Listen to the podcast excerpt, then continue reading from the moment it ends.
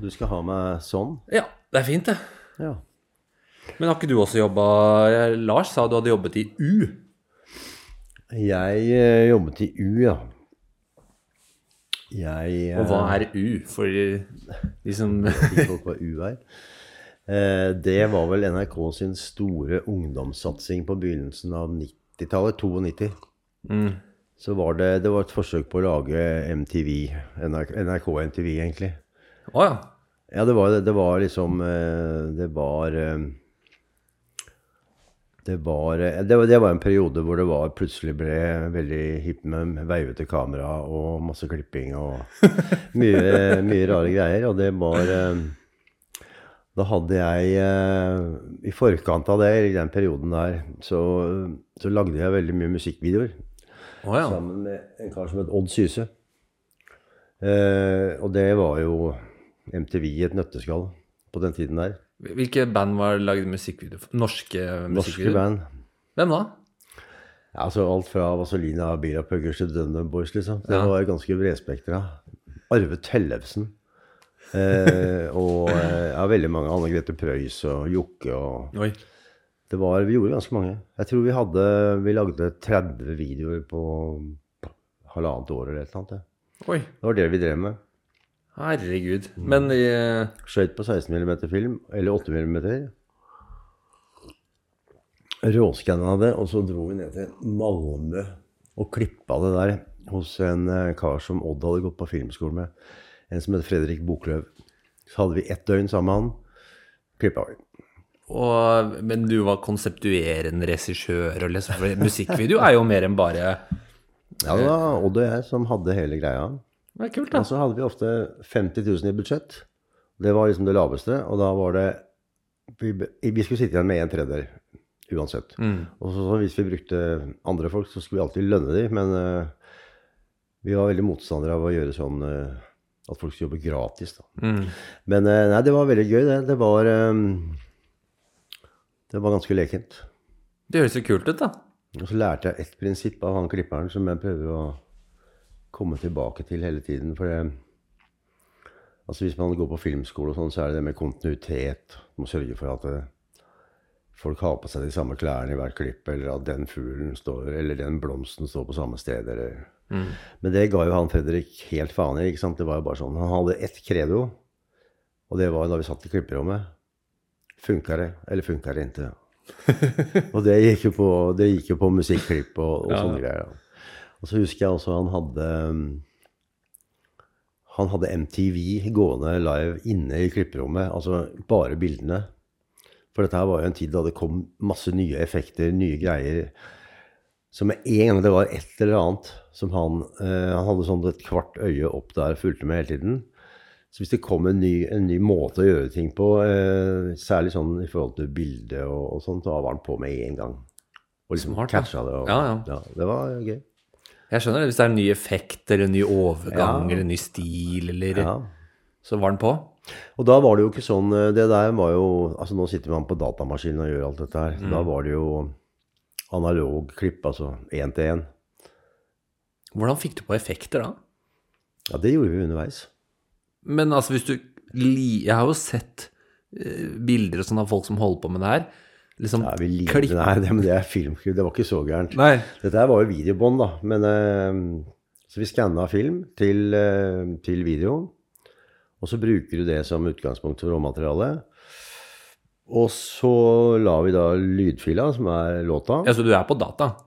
Eh, nei, du er på en sånn planke, som det het i gamle dager, som Ah, ja. styrer den ene avspillingsmaskinen.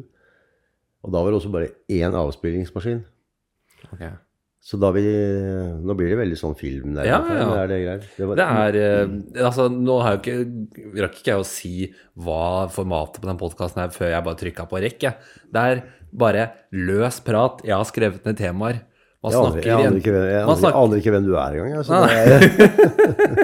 Jeg bare hanka inn fra gata. Ja. Liksom. Eh, så, nei, men det, så dette er perfekt å snakke om sånn her. Ja, og det, bare for å følge opp den eh, Det er jo litt etterpå, da. Men i, i 1994 så lagde Syse og jeg Altså, vi kulminerte for så vidt den musikkgreia med en dokumentarfilm som het 'Stein og stjerner'. hvor vi fulgte DumDum Boys og Belcanto på en sånn, en sånn turné som starta i Bodø. Eh, og som varte og rakk. Eh, og altså, vi lagde en sånn roadmovie fra den turneen. da. Eh, og der skjedde det jo mye, ikke så mye rart, men det var jo, ble veldig annerledes enn det man hadde trodd. Men i etterarbeidet der, det var det var første gang vi jobba på det, og jeg tror det var en av de første I hvert fall i det studioet hvor vi gjorde etterarbeidet, da, så hadde man en sånn eh, Da kom det en sånn Betacam-maskin som kunne legge bildene oppå hverandre. Altså du kunne ja, du kunne gjøre en delay da, på masteren uten å liksom gå en generasjon ekstra. Altså du kunne på en måte bruke to kilder. da. Så det var, eh, det var revolusjonerende. Eh, Det som var eh, veldig annerledes da enn nå, er at du måtte gjøre et veldig bra forarbeid før du gikk i klipp. da. Ja. Altså Som regissør så måtte du ha å, veldig bra oversikt over materialet ditt, og så måtte du vite hva du ville med det. Eh, og du måtte også gjerne forredigere, som det het. Så det, det hadde vi da Da jeg jobba i U, så, så gjorde vi jo det hele tiden. Eh, at du har lagd en sånn eh, Du satt og forredigerte på VHS. Litt sånn Grovklipping. Grovklipping. Cirka sånn her. Ja, ganske mye mer enn grovklipping. Ja, Okay. men eh, det var, det var opp til hver enkelt, da. Men, eh, men i hvert fall nok om, nok, om, nok om det. Men det var i hvert fall i forbindelse da med denne satsingen, så, så ble jeg kontakta om med forespørsel om jeg ikke hadde lyst til å være da en av Vi var vel fire regissører på hver sesong. Ja. Og da hadde det vært én sesong, og det var jo det var veldig vellykka sånn i forhold til å nå målgruppa, som det heter så fint. Og det var jo veldig sånn måling på det da òg. Det er ikke et nytt fenomen i NRK-sammenheng, det. Nei, dette er morsomt, fordi du er Er du født i 1958? Det er så mange Lars Nilsener. Ja, det er jeg. Det Da er du akkurat like gammel som faren min. Her sier du det, Ja. ja? Og jeg er 29, og jeg har gjort det samme som du har gjort. Aha. Bare nå. Eh, altså i NRK Underholdnings satsing mot 17-åringer. Regi og foto og klipp. Jeg er mye mindre erfaren enn deg, da, så jeg har ikke lagd masse musikkvideoer og road movies fra før. Men der har vi eh, da, da bruker man mye Vi jobbet i YouTube-sjangeren, da. Og han ene kollegaen min sa jeg tror det er derfor det er så mye sånn Da kan du plutselig bare klippe inn og hive ting på, og det er veldig sånn veldig raskt klippespråk, da, på en måte.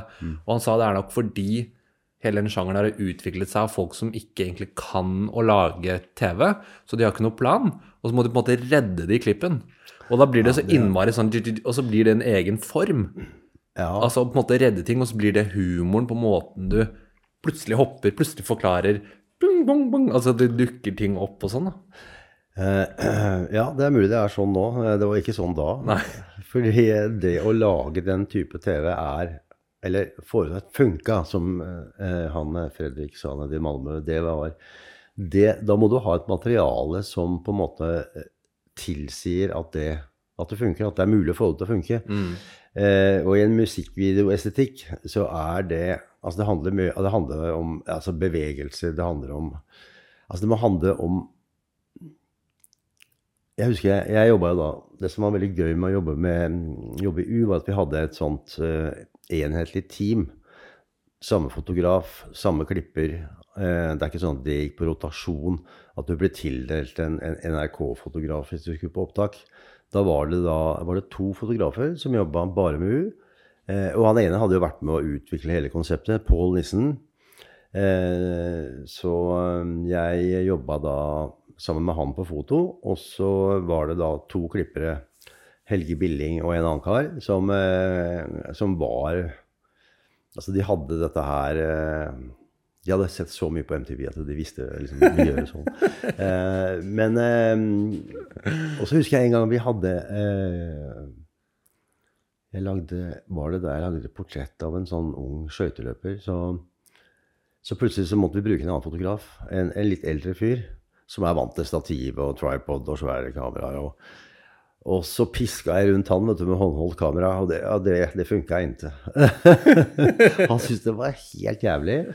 Eh, og, eh, og det han leverte den gang, det var eh, Sikkert like mye min- feil som hans, men det, det, det, det, det, det var, ikke, var ikke så mye å redde der. Det sånn. funka ikke. Det funka ikke.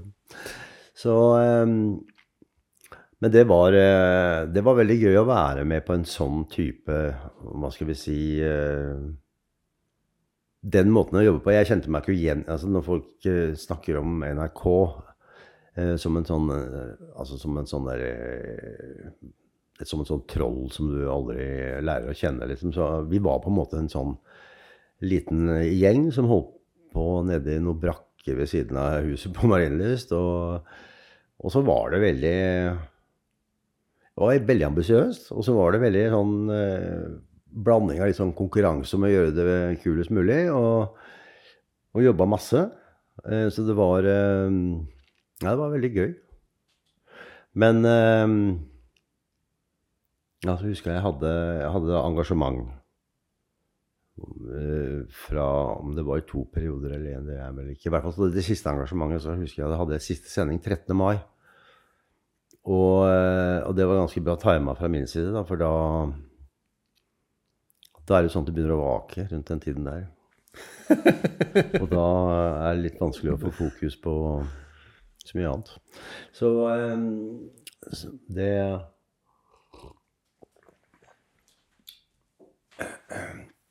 Men det med klipping er bare sånn for å Vi, har, vi skal prate lenge nå om alt mulig sult, Ja. ikke det? Som jeg kommer på. Og eh, i motsetning til liksom et nitimen-intervju, hvor det er to stikk og inn og ut og ha det, så skal du alle detorsene skal du på en måte inn i. Hvis, er, hvis du syns de er morsomme jeg hører på Wolfgang Wee. Det er Wolfgang Wee, bare med mine tanker. Og jeg hadde Wolfgang Han satt der hvor du sitter for to uker siden. Han gjorde det, ja. Mm. ja. Så kult. Jeg syns det er veldig gøy. Jeg syns det er veldig bra. Selv når jeg kjører bil, liker jeg å høre på det. Ja. Så dette er egentlig det samme, bare med, med, med mine ønsker Eller mitt valg av gjester og mitt valg av temaer, da. Ja, ja, så bra. Nå har vi ikke snakka om noe tema ennå, da. Nei, men altså, grunnen til at du er her, er jo fordi at jeg er fan av eh, På fisketur med Bård og Lars. Okay. Og har sett alt av det mange ganger. Aha. Og så inviterte jeg jo Lars Lent her. Ja. Og han var her i en og en halv time, som var veldig bra. Men jeg hadde så mye mer spørsmål. Og så tenker jeg bare, da må jeg ta han som faktisk har skapt det, da. Programmene. Eller eh, Man har jo en stor rolle Altså, det er jo Du har jo en veldig stor rolle der. Og voice og hele greia, og har jo vært med på alle, du har vært med på alle de turene, ikke sant? Eh, Bård og Lars. Ja. Jeg var med, jeg lagde jo alle de forrige, i den forrige runden. Det siste har ikke jeg vært med på. Nei, nei, det har jeg skjønt. Så, Men det er den eh, forrige jeg, syns jeg likte den nye òg, men det er den forrige jeg syns er kul, når det er eh, Når man merker at det er en, en, et tett team, altså når det er tre stykker, og det som skjer, det skjer. Det er ikke noen master, puppet masters i bakgrunnen som liksom bestemmer for mye. Det er Dette skal skje, da. Så det jeg har lyst til å snakke med deg om i dag, er liksom Eh, Er det sånn som jeg har inntrykk av at det var? Skjedde det mye annet morsomt? Hvordan planla dere det? alt med sånn? Fordi hvordan, Du kan begynne med Lars snakka litt om det han òg, men hvordan uh, dukka det prosjektet opp i det hele tatt? At du skulle ut og til Argentina første gang og lage fiskeprogram? Altså, det dukka vel opp første gang jeg hadde med meg mobiltelefon på fisketur. Det var 6. juni 1994 eller 5. Jeg tror det var 95. Var det nok, eh, en, en var sånn stor Erik? Eriksson med sånn haifinne, en sånn gul vanntett sak. Eh, og det var en grunn til Jo, jeg hadde den med, for jeg, altså, da og for så vidt eh, nå, så er jeg veldig Prøver å begrense den type aktivitet, mobiltelefonaktivitet, når jeg er eh, ute. Men eh, ja, av en eller annen grunn så hadde jeg med den telefonen, og det var en veldig sein sesong. Og jeg var på inne i Sørkedalen, oppe i mellomste Lysedam. Og jeg akkurat fått på en av årets første fine fisker på en, eh, på en døgnflueinvitasjon, så ringer telefonen. Og så er det sånn der Faen, det gidder jeg ikke. Og så går den mens dere kjører en fisk. Og så ringer det en gang til, så tenkte jeg sånn Er det mutter'n? Er, det- er, det- er det noe Dette må være noe viktig. Og så bare lirker jeg opp den sånn, og så Mens fisken har båt? ja, ja. Og så er det Bård Tufte Johansen, som ikke jeg ante hvem var engang. Og så har jeg telefonen sånn, og så har jeg snella der. Så det første han hører da han ringer meg, er jo bare et sånt eh, deilig knarr. Sånn på de gamle fluesnellene. Det var det veldig fin lyd. Eh, og han satte i gang eh, Og sånn, hvor er du, hvor er du? Altså, før jeg Nei, jeg visste jeg hvem han var. Jeg hadde kanskje sett ham på TV, da. Men eh, i hvert fall, lang historie kort. Eh, han hadde da akkurat begynt som sivilarbeider i, i U, og hørt at det var eh, en gærning der som var helt eh, kjørt på fiske før han hadde begynt, eh, og hadde fått nummeret mitt og ringte meg, og var selvfølgelig Bård er rimelig flink til å skaffe informasjon ganske fort. og har ikke noen særlig grenser på hvem han ringer eller eh, Altså det er ikke noe sånn tilbakeholdenhet der. Så i løpet av halvannen time så var han oppe ved det vannet. Eh, og, så, og det var jo veldig morsomt. Eh, jeg måtte Ja, det var derfor jeg hadde med den telefonen. Jeg skulle på et eller annet møte. sånn var det. Så jeg måtte dra. Og om han fikk noe fisk, det veit jeg ikke. Men i hvert fall så hadde da i samme moment omtrent så hadde han og Lars møtt hverandre på en fest eller på et eller annet utested.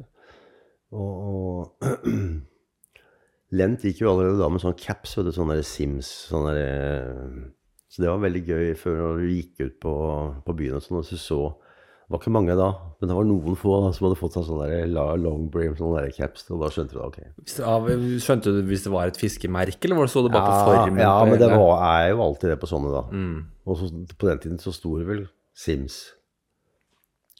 Jeg, bare, jeg, jeg, er jo ikke, jeg er jo ikke fisker, sånn som dere er. Jeg bare liker å se på det. Å, du liker å se på det, ja. Eller jeg har fluestang også, men det er ikke noe sånn Altså, jeg er ikke noe Du er kikker. Ja, eller jeg kan fiske med på hytta, liksom. Eller Ja, sånn. Eller jeg satte ut en hummerteiner for noen år siden, men det er ikke noe sånn Jeg bare, jeg bare liker stemninga, liksom. Syns det er gøy. Ja, nei, altså det Ja. Det er noen som har det sånn. Men hvordan Ja, nei, bare for å fullføre den. eh, Så Så eh, de har truffet hverandre, og så begynner de å snakke. Og da hadde jo Bård begynt å lage TV og sånn. eh, Og, eh, og, og på den tiden så var jo fiskeprogrammet var sånn en cal med krumpipe og Oi, oi, her sitter han, liksom. Eh, men eh, de tok i hvert fall kontakt med meg, og så hadde vi et, et møte eh, en kveld og snakka om hva som var mulig å gjøre. Lars hadde vært i Argentina, det hadde vel Bård også. Ja, De hadde møtt hverandre før, og så hadde Lars kommet hjem fra Argentina. Og så hadde Bård fri noen uker, så han dro ned dit. Eh, og da var spørsmålet er det mulig å la, komme med et innspill om for NRK eh, om å lage et eh, reise slash fiskeprogram, eller fiske slash reise, da. Eh, og da var jo Vi var vel alle da hva skal vi si, unge fremadstormende menn, eh, og som man for så vidt er på jakt etter eh, i Det var eh, relativt greit. Eh, det var vel Bård som fikk ordna det møtet med da Tordis Aavatsmark, som var eh, underholdningssjef. Det var nesten sånn at vi var hos henne i en halvtime, tre kvarter, og så ja, Vi hadde ikke skrevet kontrakten, men det var sånn ja, veldig tydelig at ok, vi gir dere en prøve. Og den prøven besto at vi fikk lov til å ta en sånn tur. Eh, og så fikk vi dekket sånn basale utgifter, ikke noe lønn, veldig sånn low budget. Ok. Eh, og eh, i helt på tampen av november, var vel det samme år, så eh, satte vi oss på flyet til Buenos Aires.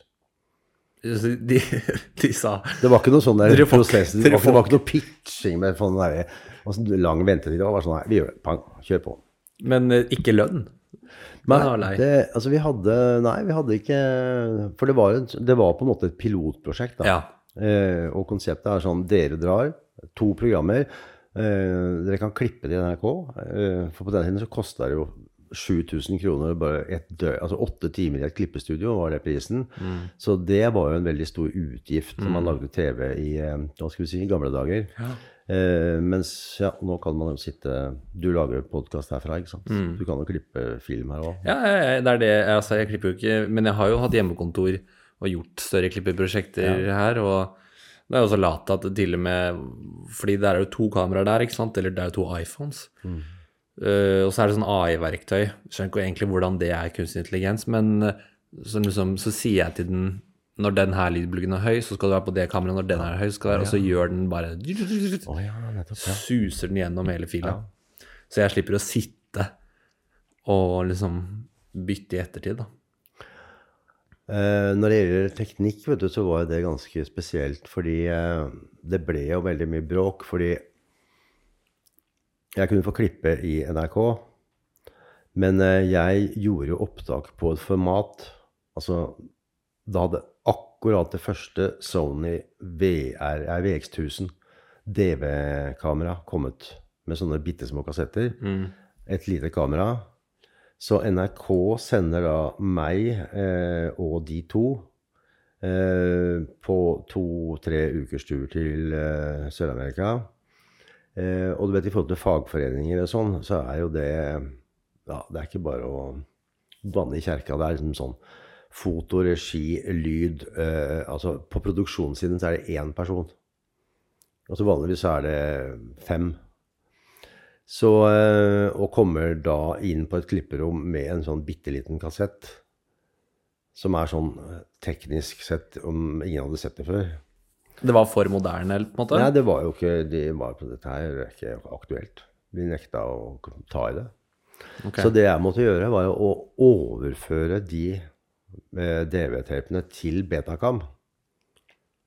Som er noe eldre, eller noe nyere? Nei, altså Betacam er da det profesjonelle TV-formatet som da ble brukt i NRK. Så det du sier, er at klipperne i NRK var vrange? Ja, altså fagforeningene ville ikke Og Det det, var fortsatt. en eh, det var, det, det var veldig sånn eh, Og dette var jo helt i starten på at man begynte å, å jobbe med sånne det var, Jeg tror det var det første prosjektet eh, sånn i kringkastingssammenheng som var gjort på det formatet, da, eller Mm. skutt på det. Eh, og det er litt sånn uh, som i grafik, eller grafisk med aviser. Da man gikk over fra å sette plater til å begynne å bruke computere, så var det jo voldsom motstand mot det. For det var en trussel mot arbeidsplasser. Og det var også degradering av, eh, av eh, fag. da, altså Det å være lydmann, det å være altså Du sier at fotografen og regissør skal være samme person. altså Det er på en måte Og produsent. Eh, jeg var vel det òg, tror jeg. ja. så, eh, så Det er veldig på en korte måte- rulletekster, ja. ja, eh, og Og det skapte jo Jeg tror det var det, var det som skapte programmenes uh, innhold, egentlig. For det, det, det var liksom ikke rom for å Altså, jeg kunne være mye tettere på, da. Og, og på en måte ha uh, Det tror jeg de programmene bærer preg av òg. At, det- at det er litt sånn uh, delvis planla, men at det er en veldig dokumentar, dokumentær stil på det. da. Mm, det er nesten en sånn vlogg, liksom. Ja, Altså, det er noe sånne mye engelske sånne her unge eventyrfolk som lager sånn Vi klatrer på verdens høyeste forlatte bygning, Ja. og så bare drar de, og så er det en kamerafyr og en fyr. Det er litt sånn. Mm. Og så plutselig Du snakker jo til det hele tiden. Fra, Ja, eller men ikke ikke, tiden, så, men du my- ikke så mye der, mye av det. De vi, ja, Kanskje ikke de første, men jeg, kanskje jeg blander med Lars og Lars. Ja. Ja, det, det, Jeg liker det at du som snakker til de fra bakfra. det var jo også en MTV-greie, vet du, hvor Mm. plutselig kamera eller kommer inn sånne crew og begynner å snakke. Eller han programlederen, husker jeg veldig godt i MTV, så han snakka til kamerafolka. Eller Mm. um, Men det tror jeg ikke vi hadde så mye Det husker jeg ikke helt. Nei, kanskje det var Lars og Lars. Det. Men det vi krangla om, da uh, uh, Men det var jo veldig spesielt. Vi tre drar ned dit, uh, og vi sover på samme hotellrom. Eh, Og kjørte samme by. og Det var veldig sånn sånn 15 timers kjøretur og sånn? Er det der de kjørte så langt? Ja, vi kjørte fra Buenos Aires eh, til eh, Bariloche, som ligger Er en, eh, en Det var den byen eh, mange tyske naziledere dro til etter, på slutten av andre verdenskrig, for det er den som er lengst unna sivilisasjonen. Hva var det den het, sa du? Bariloche. Okay. Og du kommer Ja, da kjørte vi Ja, jeg tror det var på det nivået der, så sånn eh, I hvert fall rundt 30-35 timer, ja. Tre svinger. Det var over Pampan, som er bare en sånn gigantisk gresslette. Kommer vi opp til Bariloche, så er det bare tyske menyer, bare Mercedeser, bare Det er som å komme inn i en alpeby i Sveits, liksom. Det var veldig, veldig spennende. Men én ting er at vi skal lage eh, TV uten vi kjente, Da kjente jo ikke vi hverandre i det hele tatt. Eh, Bård og Lars kanskje litt. Eller Bård, ja, litt mer enn meg. Men um, Og så var vi jo Altså, vi var enige om hva vi skulle lage, hvordan vi skulle gjøre ting. Og det som er veldig, en veldig fordel da, for eh, det å lage sånn type fiske-TV som jeg har holdt på med ganske mye, er at målet ditt altså, er ganske eh, konkret. Altså, du skal, du skal fange, den fisken. Først skal du finne, finne den fisken, som er da visuell. Du kan se den. Du ser at den vaker.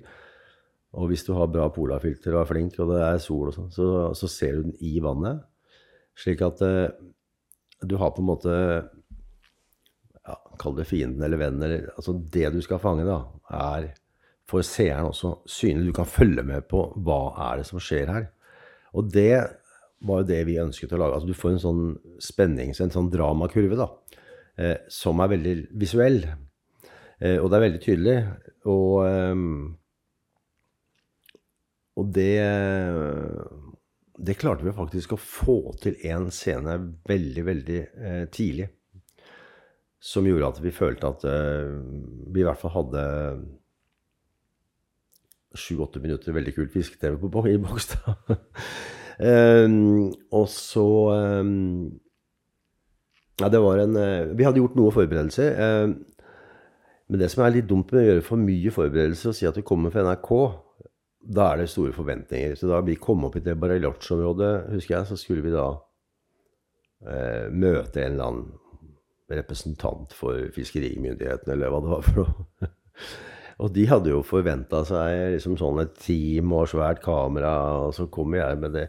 Det kameraet ja, ja, Det er vel på størrelse med Ja, det er små De små DV-kameraene, de var jo bitte små. Ja. Um, de ble skuffa? Ja, blanding av sånn litt skuffa og litt sånn skeptiske. Men jeg hadde en fordel, da. Eller jeg hadde to fordeler. Det ene var at på det kameraet så tror jeg det sto 'digital'.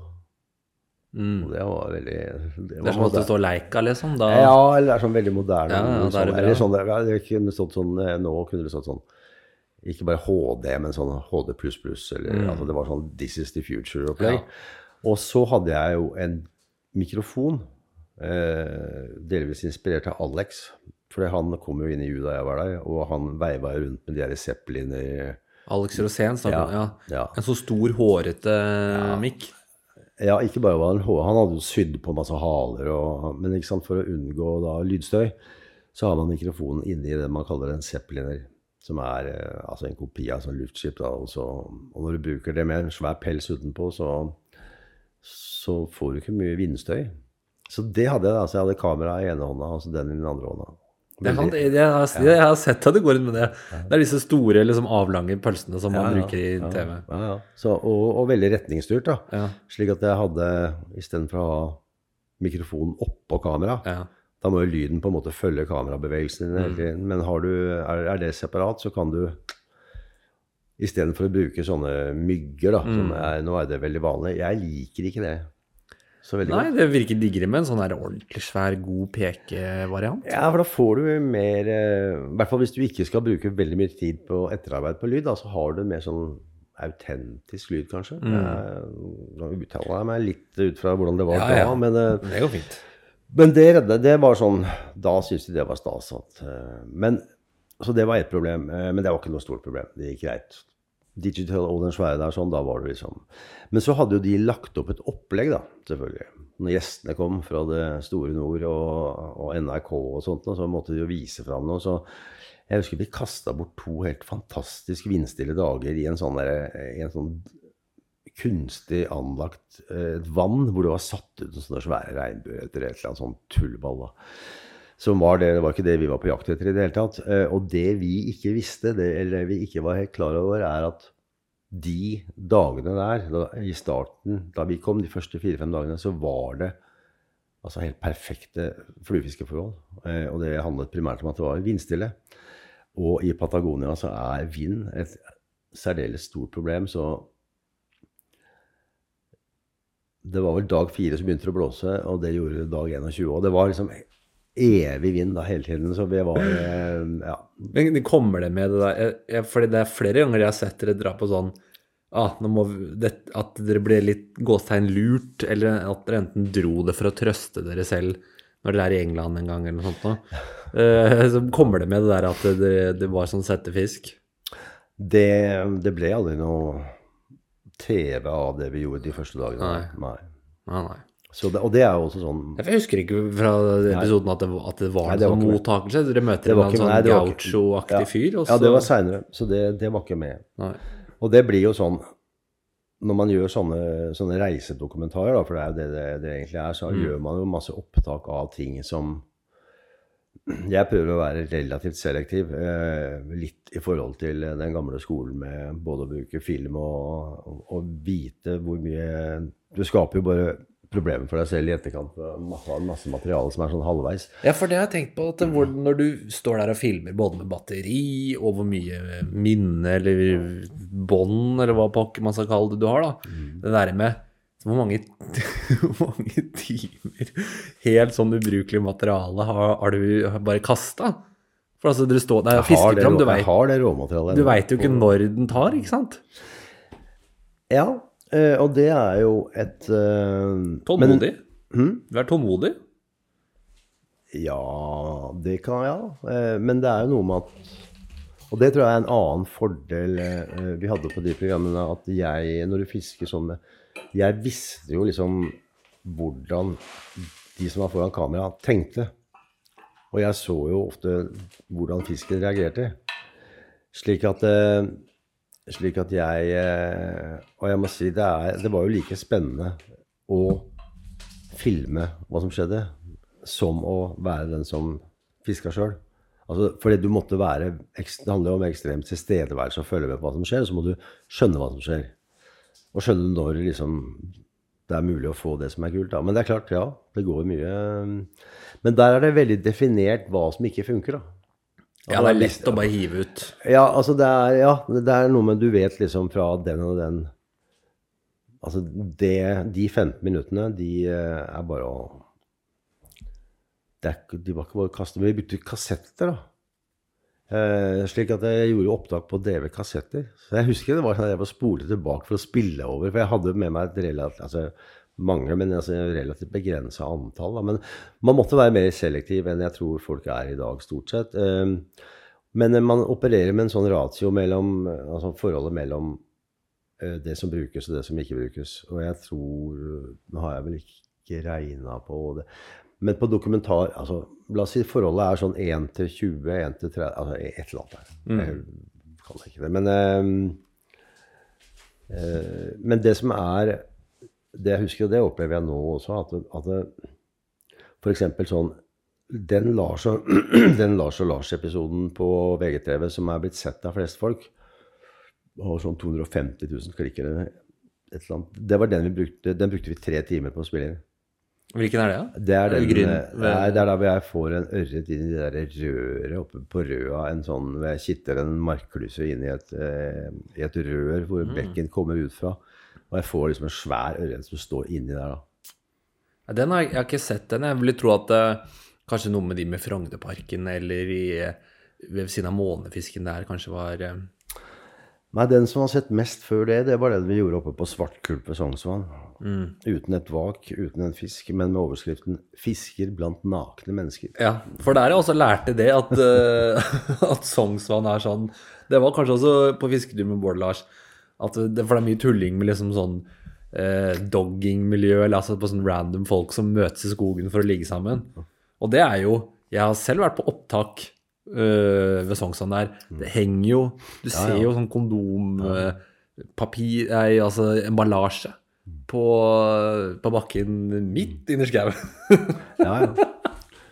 Det er eh, Nei, det var og, Men dere blir jo snakka til og sånn, gjør dere ikke det? På en av de opptakene? Eller er det bare tull? Nei, altså greia var at jeg eh, Jeg fikk tilsendt en sånn videosnutt uh, av en, uh, en fyr som hadde Han hadde ikke fått, men han hadde den fisken oppe på, oppe på myra, eller en liten sånn knaus.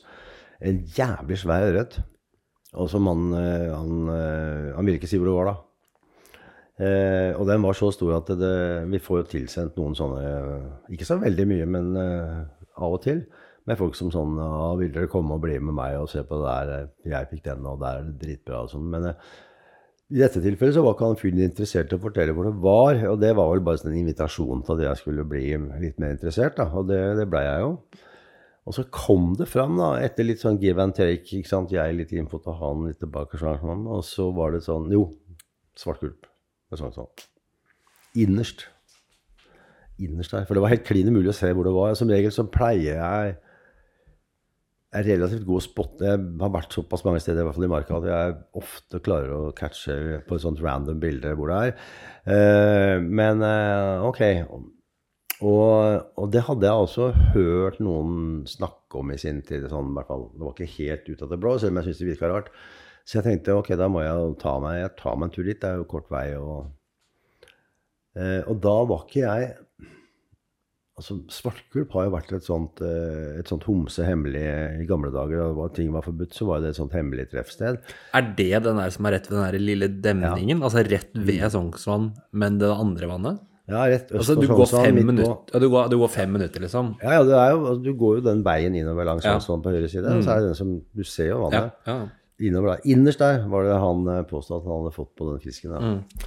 Så der gikk jeg, og så hadde jeg på meg sånne, sånne litt sånn tettsittende lettvektsvadere. Og der er det en sånn svær myr innerst der.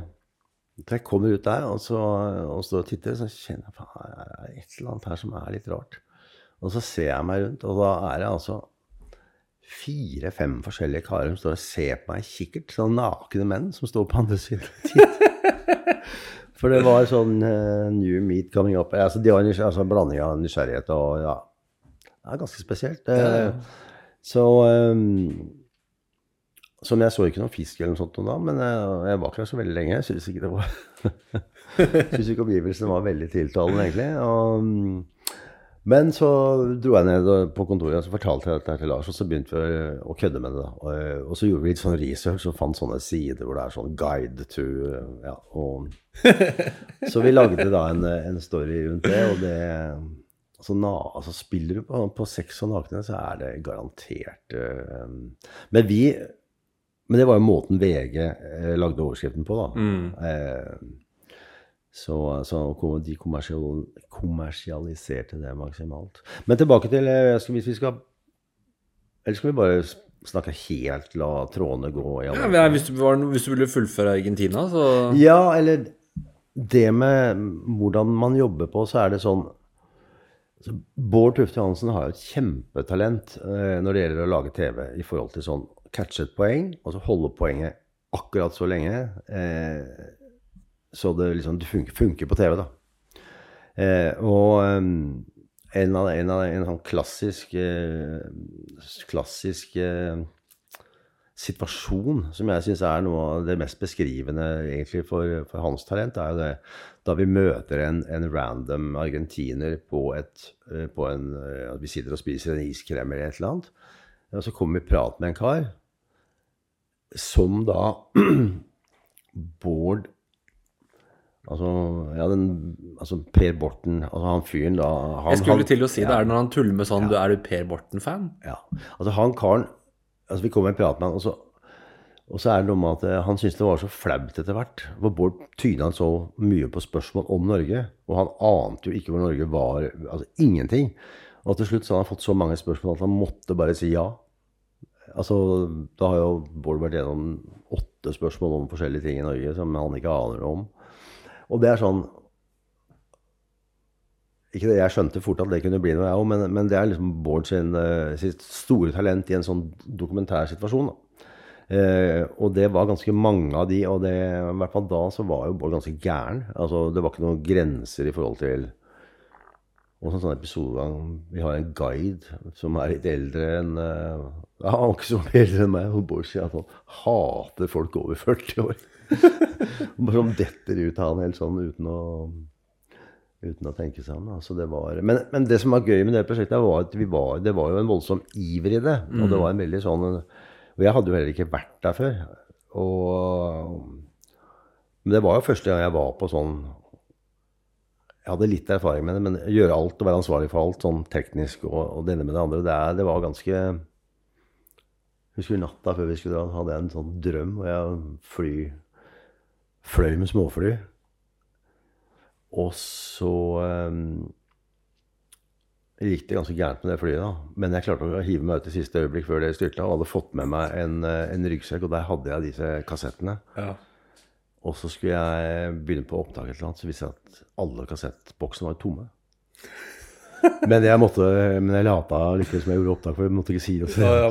Et mareritt. Ja, litt sånn eh, Litt sånn eh, Og det er litt gøy. har sånne flyvedrømmer er sånn eh, Hvis du har gjort noe som er veldig bra, eller du er fornøyd med noe, så flyet svever av gårde. Men hvis det er noe du gruer deg til, eller annet, så er det alarmen går, og vingen detter av. og Det er ganske, det er ganske barnslig. Sånn, sånn drømmetydning i hvert fall. Det er ganske, det er ganske enkle symboler da, på om ting går til helvete. Eller om det, ja. Mm. Det er ikke så vanskelig å tolke. Nei, ikke akkurat det i hvert fall. Så, um, men det som skjedde, var jo at vi um, Det første vi um, Vi hadde jo uh, Det første vi fikk veldig bra til, da, det var da vi fikk aksess på den elva som kanskje er den dyreste og ble ranka for en av de beste ørretelver i verden. Um, som er veldig sånn beskytta med gauchoer med hest og, og sånn cowboyhatt og, og våpen og sånn. da. Eh, Og det er i Argentina, det her. Eh, Maieo heter den elva. Mm. Og, eh, og der hadde jo ikke vi noen avtaler. Altså, det er en av de få Det var et av de få stedene i Argentina som var private. eller så var alle elvene offentlig tilgjengelige. Eh, nå er det endra seg en del, tror jeg. Men, eh, men i hvert fall for å få aksess til den elva, så måtte vi da Eller den måten vi gjorde det på, da, var at vi bare parkerte utafor hoved... Altså han som eide hele greia. Altså en storbonde ganger ti, hvis vi kan sammenligne til Norge. Og jeg venta i bilen, og Bård og Lars gikk opp til han. Og han var jo en svenske som het Lars. Ah. Og syntes det var utrolig søtt at vi hadde kommet helt fra Norge uten å spørre om få tillatelse engang. Så det var bare sånn Ok, da. Siden dere er så frekke, så får dere bare dra ned og fiske, da. Men, ja. ja. Så uh, igjen et eksempel på, på, eh, på og hvordan grundig research ikke alltid er det beste. Og, eh, for hadde vi sånn henvendt oss fra Norge og NRK, og hadde ikke hatt sjans. For dette var jo Vi traff ett menneske, vi overnatta. Vi lå der i tre-fire døgn. Og da, det ene mennesket som kom nedover med en guide, var bare verdens femte rikeste mann eller et eller annet. Så, sånn, ja. Det syns jeg er eh, Jeg har jo skjønt at det er sånn, men at fluefiske er sånn rikinggreie mange steder i verden? ja, det kan være det. Oh, men ah, jeg vet ikke om det er, det er kanskje ikke flue som skjer med når kong Harald kjører sånne båter opp Altaelva, og, Med det. eh, og mm, om det er, røk, om det er gjeldsten og sånn også, som har sånn derre Og det er liksom helt sånn synd Altså, det er sikkert flere hundre tusen, liksom, for den uka for å fiske. Uka i døgnet. Er det det? Jeg tror Men hvem, det, det, det er det landeieren som får penga? Nei, det er, som, det er vel litt forskjellig praksis på det, men eh, det er gjerne sånne elveeierlag, da. Ok. Og eh, altså For å si det sånn, det er jo en vare som er omsettelig, og som noen er villige til å betale så mye penger for å ha eksklusivt, og da, da blir det jo sånn. Eh, og, og det var jo litt komisk. Altså, vi reiste jo i denne perioden fra 95 til 2002. Så vi lagde jo en, 21 programmer, 21 episoder. Og var på noen av disse hotspotene eh, som er veldig sånne kjente worldwide fluid-destinasjoner. da. Um, og det var ganske komisk hvordan vi traff igjen de samme, de samme karene. Gjerne litt sånn uh, godt over middelaldrende amerikanske menn. Uh, og de hadde alltid med seg sånn to-tre assistenter da, som hadde alt utstyret og stæsj. og- Ja, de, jeg, jeg kan ikke huske at de, de var så mye med på, på videoen, da. Nei, det, de var vel ikke det. Det var eh, Vi gjorde ikke noe nummer av det. Vi kunne, kunne gjort det. Ja, det mange, ting, mange ting vi kunne gjort nummer av som de ikke Jeg, jeg husker jeg bare reagerte på For de jeg spilte inn på slutten av 90-tallet, når dere er på liksom eh, Om det er Cuba og Florida og sånn, og så sier de sånn Ja, vi måtte betale guiden 300 dollar for å bli med ut. Så tenker jeg ja. 300 dollar da, det var da ganske mye, liksom. Ja. Uh, reagerer jeg på, og det er jo sikkert dobbelt minst nå, ikke sant? Eh, men eh, Så det er eh, Det er veldig vanlig. dyr Altså, det, er, veldig vanlig i utlandet å betale en guide som da du har med deg, som viser deg forskjellige ting. Altså I min bok og i vår tradisjon så er det Altså, for meg er jo fly- fiske er noe helt annet. Det er jo gleden av å finne ting på egen hånd. Og, og, og, og så er jo, er jo for meg noe av det viktigste. Ja. Jeg hater jo sånne steder med sånn um, systematisert catch and release og at, hele, at alt bare er blitt en sånn Disney World, liksom. Jeg, men i utlandet er det veldig vanlig. Og um, du kan jo, sånn som i Hemsedal eksempel, så koster det nå å fiske i Hemsila. Eh, jeg tror det er 1000 kroner av døgnet, eller altså rundt der. Og det er jo da På et eller annet tidspunkt så har Hemsedølen eh, skjønt at eh, for noen er villig til å betale så mye penger for det. Og så legger du til rette for det, og så gjør du det. De er glad i penger, da. I Hemsedal? Ja, det. Det var en som sa til meg når jeg skulle mm, stå på ski eh, på Geilo i fjor eller forfjor. Så parkerer jeg liksom på parkeringsplassen, så spør jeg en som er der Koster det penger å stå her, eller? spør jeg Nei, det er ikke Hemsedal det her, sa han. Ja, ikke sant. Hva? Hemsedal var, det, at Hemsedal var den kommunen i Norge som hadde flest millionærer på et tidspunkt. Altså det, det er noen år siden, da, for det, da, i dag er jo ikke det å være millionær kanskje sånn, men, eh, men det er det. Ja, det er sånn, ja. Jeg tror hun bare sikta til at sånn, der er de Ja, ja. Altså, Reiselivsgreia er på plass, liksom. Der klemmer de ut hver krone. Jeg, visste ikke at Geilo var sin var mye bedre, men eh, hun tulla iallfall med det, hun eh, Nei, men så har, altså Hemsedal har jo et jævlig bra produkt, da, både i bakkene og det er jo dritfint. Mm. det er jo, den elva er jo nydelig. Og jeg husker vi kødda med det en gang da vi lagde en del år etterpå de Tørrfluelandet-filmene. Da var vi jo eh, i Hemsedal, Lars og Andreas Fismen og jeg. Og da, hvor Fismen får en trailer i bakslengen på flua. En trailer? Ja, du, Altså en lastebil? du, du, står, ja, ja, du står og fisker, så står du og vaker i en kulp som er rett ved siden av veien. Mm. Så tenkte vi skulle kødde litt med de trailerfiskene. Og så det, lager vi en scene da hvor han liksom du, Når du kaster fluesnøre, så går det 10-15 meter bakover. ikke sant? Så hvis du ikke følger med da Hvis fokuset ditt er bare den veien, så kan du Det ble ganske morsomt. Men hvor er det det er kulest å fiske med fly, syns du, da? Nei,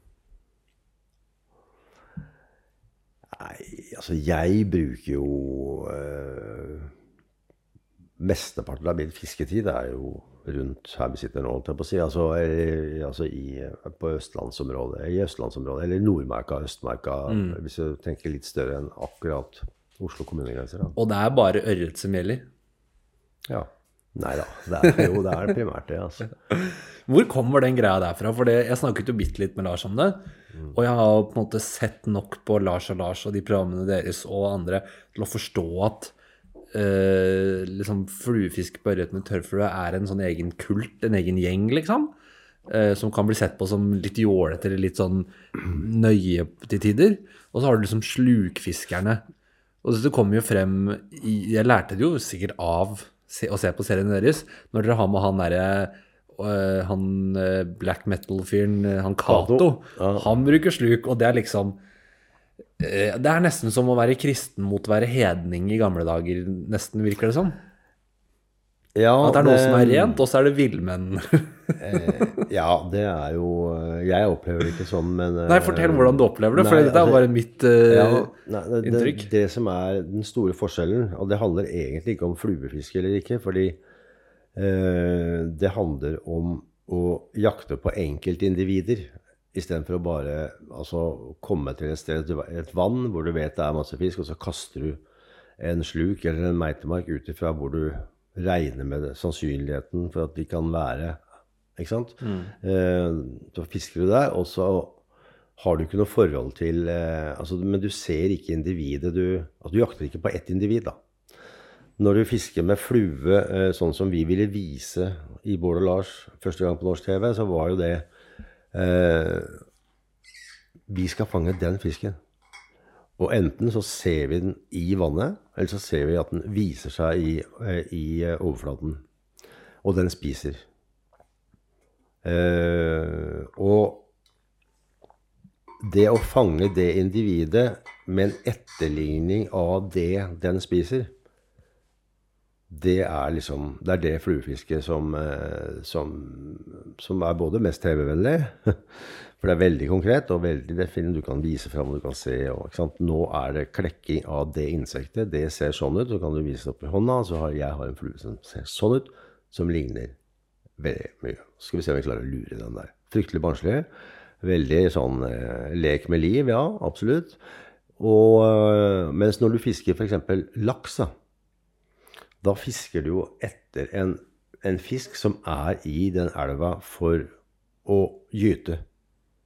Og når laksen er i gytemodus, så spiser den ingenting. Nei, det skjønner jeg ikke nå. Nei. Eh, ergo, så det du må fiske med altså Det er jo det er ingen regel uten unntak, men det man må fiske med på en laks, er å fiske etter den for å gjøre den forbanna. Slik at din fiskeredskap skal se ut som en konkurrent som den laksen har lyst til å enten jage bort eller ta. Og du vet Så da er en mindre fisk, da?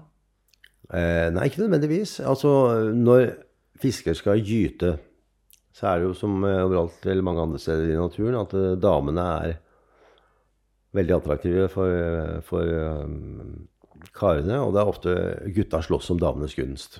Og eh, hvis en dame har funnet sitt sted hvor hun skal legge seg egga sine, så er det mange hannfisker som er rundt i området. Eh, og for å gjøre dette her veldig enkelt, så er det om at de slåss om å få befrukte henne, på en måte. Eh, eller når hun legger egg, så vil de gjerne være ene alene om, om, å- om å spre sine spermer over det, da. Eller melke. Eh, og de slåss som faen. Og ved å Og de er ganske forbanna, de er irriterte. Det er liksom sånn er jo, Altså, kåte karer er jo også utilregnelige på mange måter. Og, eh, og de er også ganske lette å terge, kanskje. Jeg vet ikke, jeg har ikke prøvd så mye på det. Men eh, hvis man da fisker med en flue eller et redskap som, og på en måte som gjør at du terger en av disse fiskene her sånn, så er det det som får de til å ta primært. Slik at du på det tørrfluefisket som jeg, eller det fluefisket som jeg beskrev i stad Du kan gjøre det samme med en mark eller en sluk òg, men det, det vi prøver, er jo da å etterligne det fisken til enhver tid spiser. Altså du er såkalt, Det er det som heter en imitasjonsfisker. Eh, og, og det Det gjør jo fiskeopplevelsen veldig annerledes, fordi det handler ikke om å få flest mulig fisker, men det handler om på en måte å være ja, kall det, ja, det er litt kristent, det er litt gjevere på en måte. da, Å lure Du leker med fisken, men, eh, men du gir den i hvert fall en sjanse. En sjanse som er helt eh, Altså, du, du, du er jev... Altså, du er på samme arena, da. Som, altså, Du skal prøve å lure naturen. Og, Ja. og, og, og det er det er det som kanskje har gjort at jeg fortsetter å se på det, for det er litt fascinerende det med Jeg vil jo tenke når du ser en fisk, sånn som dere filmer, og da står den liksom, Mm. og så ser du den liksom observere, og kanskje den går opp og vaker litt på et eller annet, og så legger dere noe foran den, så jeg er sånn Jeg er vant til at hvis en fisk ser noe, så er den dum som et brød og bare tar noe, men de er så nøye på Nei, det er er maur er, jeg skal er, ha. Er, er du vant til det? Ja. Hva da? At de tar bare hvis du ser en fisk at den Nei, men i hodet mitt, liksom. Ja, bare, da jeg var liten, husker jeg bare med stang og abbor, så står det tre abbor og ser på liksom det jeg har lagt ut, og så tar de den ikke. Men i hodet mitt tenker jeg liksom fisker er jo så. Ja, dumme som brød. de- ja. Men de, de skal, de kun ha den ene typen insekt. Ja, det eh, det, ikke alltid, men, eh, men i mange situasjoner. Og For dere får ikke lov å smøre på noe liksom fiskesens, liksom? Smør, smør på litt. Litt fiskeessens, hvis ikke tar fluene. Nei da, jeg har ikke noe eh, Altså, det som er eh, Og det er jo fascinerende med ørreten, da. eh, At den er det vi kaller selv, blir ofte det vi kaller selektiv. Altså Det betyr at den spiser én når den spiser, så spiser den gjerne én ting. Hvis det er sånn at eh, den forekomsten er stor der og da.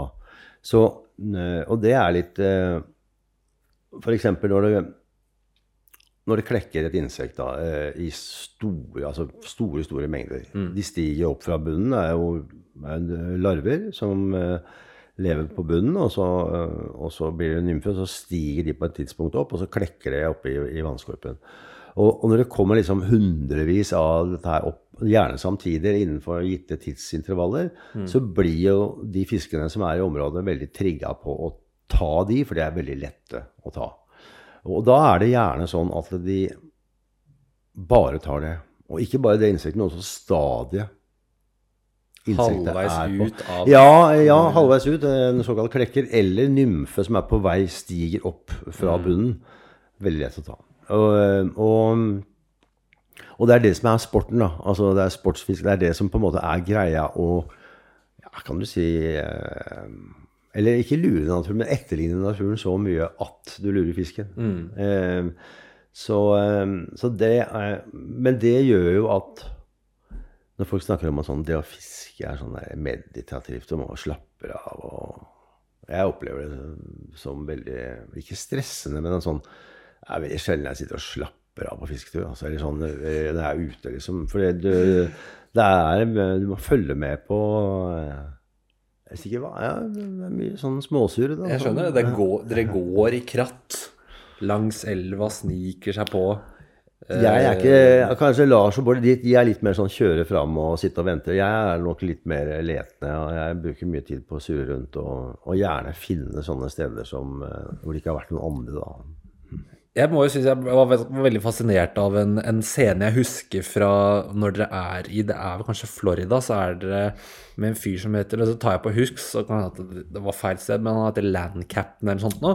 Ja. som bare vrenger bilen sin. Og det syns jeg er gøy, for det er så innmari MTV-aktig. Mm. Det er liksom bare bilen på skrått over noe motorvei, liksom greier. Og så bare ut ved siden av veien. Eh, elv hvor fisken spiser røde bær. Veldig lett å skjønne, lett å se. Du skjønner de spiser røde bær. Da må du prøve å håve opp et sånt bær. Få det på.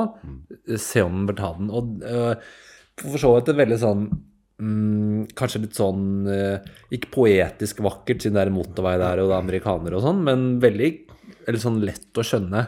Kult å skjønne. Morsomt.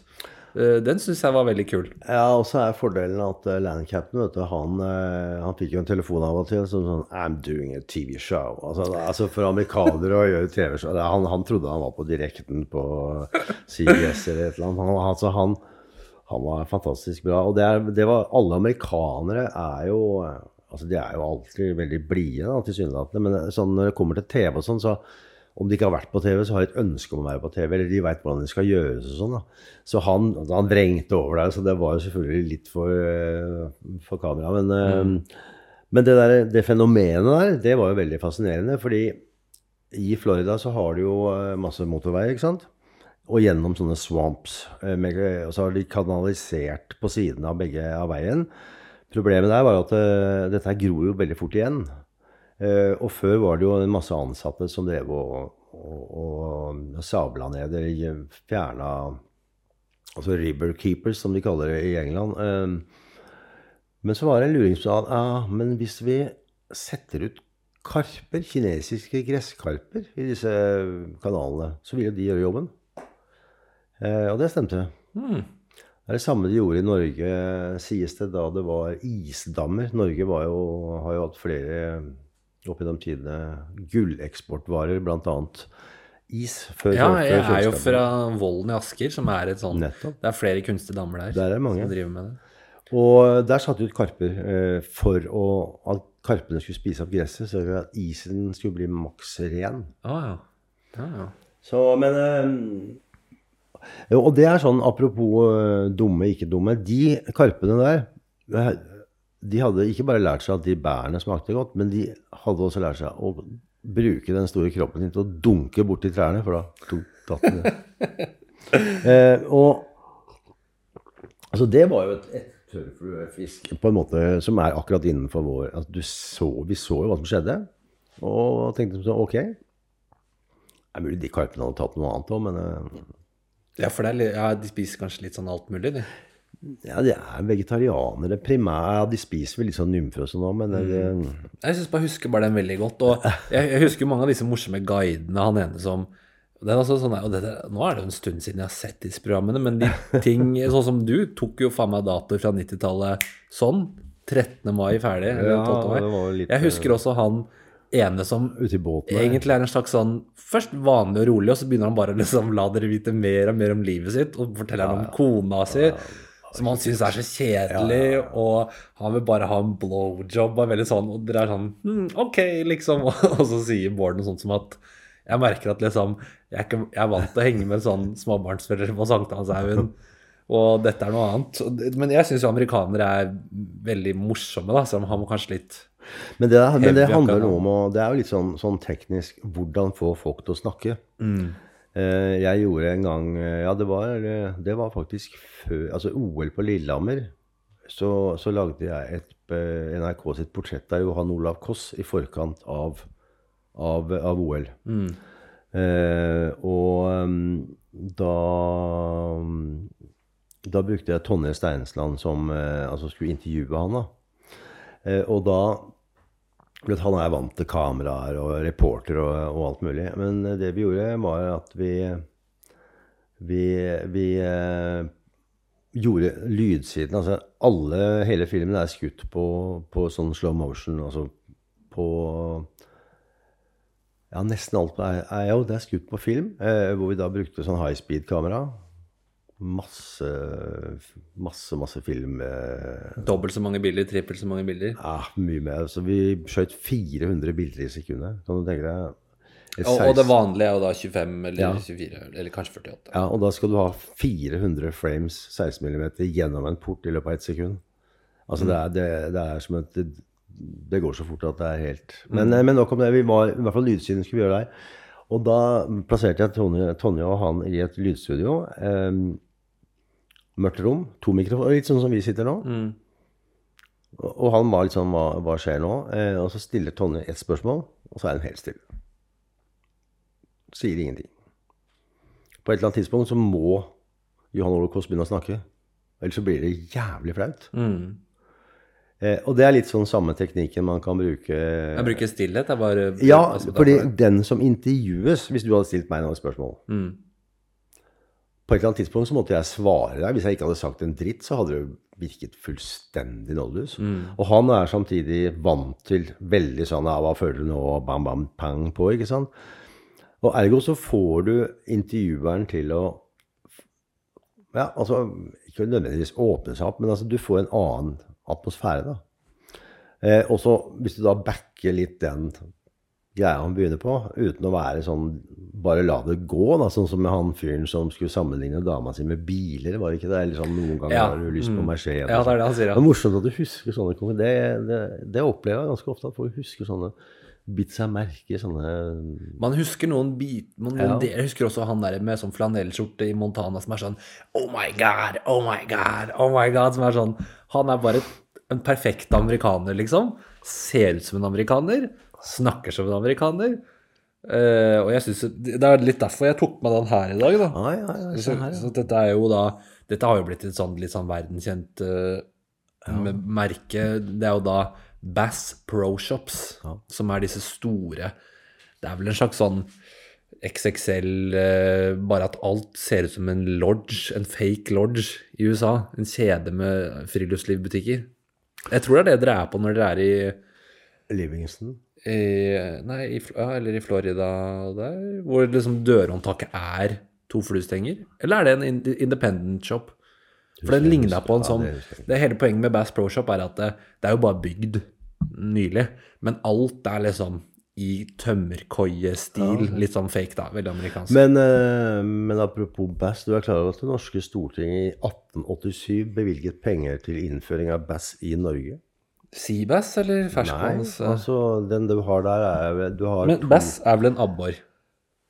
Ja, og Men så har du stormunnet og, og, og småmunnet. Altså Mm. eh, black bass og Det er i hvert fall to, to typer, da. Mm.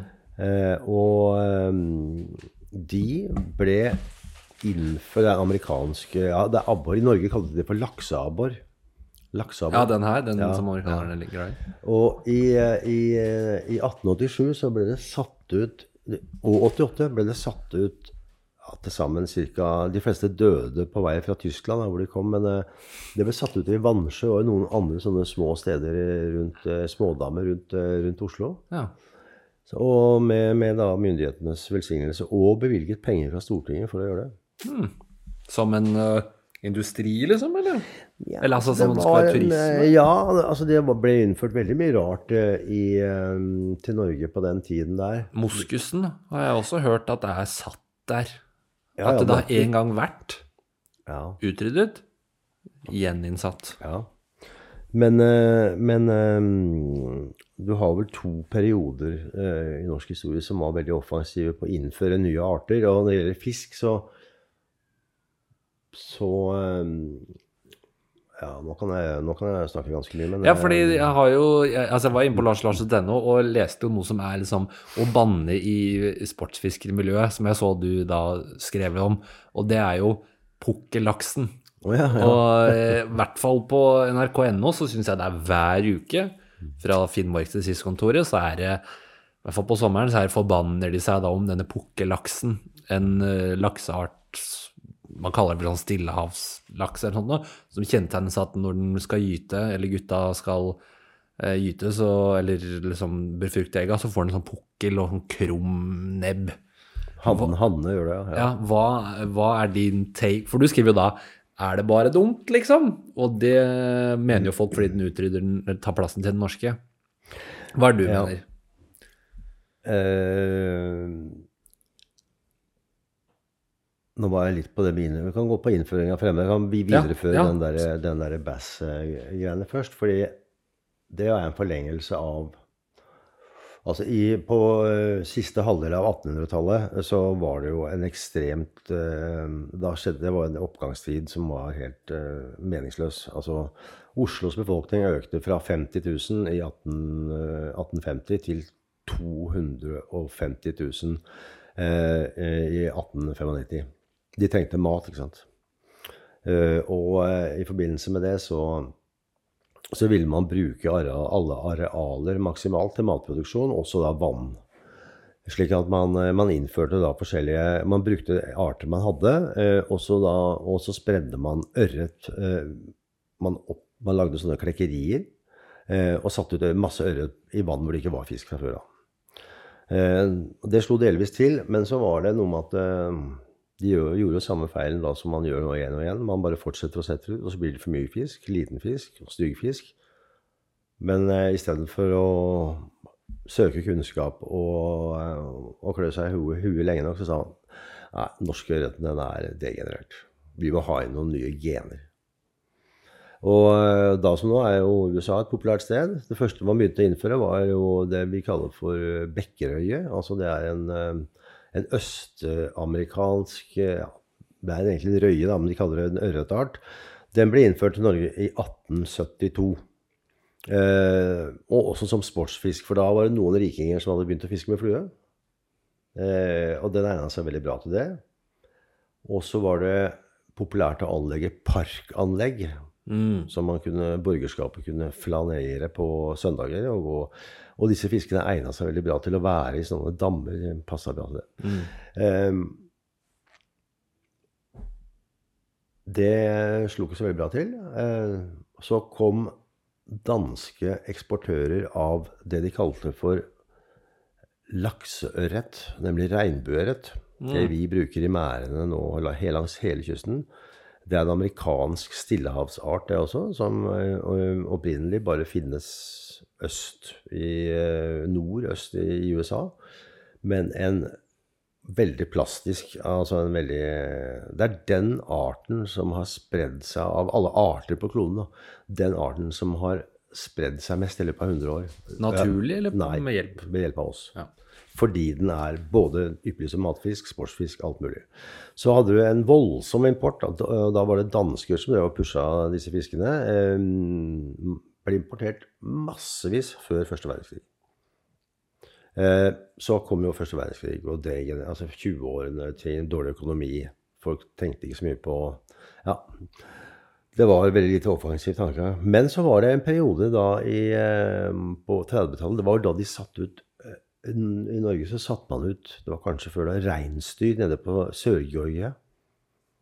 eh, Som ble en økokatastrofe av en annen verden. Ja, nå er vi nede ved eh, Sørpolen nesten Da. Ja, nedi der. For da holdt vi på å skyte hvaler og sånn, og så ble det kanskje litt lite hvaler, og så måtte vi ha noe reinsdyr og sette ut det. Eh, og det var i det momentet også Stortinget i 36 og 37 bevilget penger til å sette ut pingviner på Røst.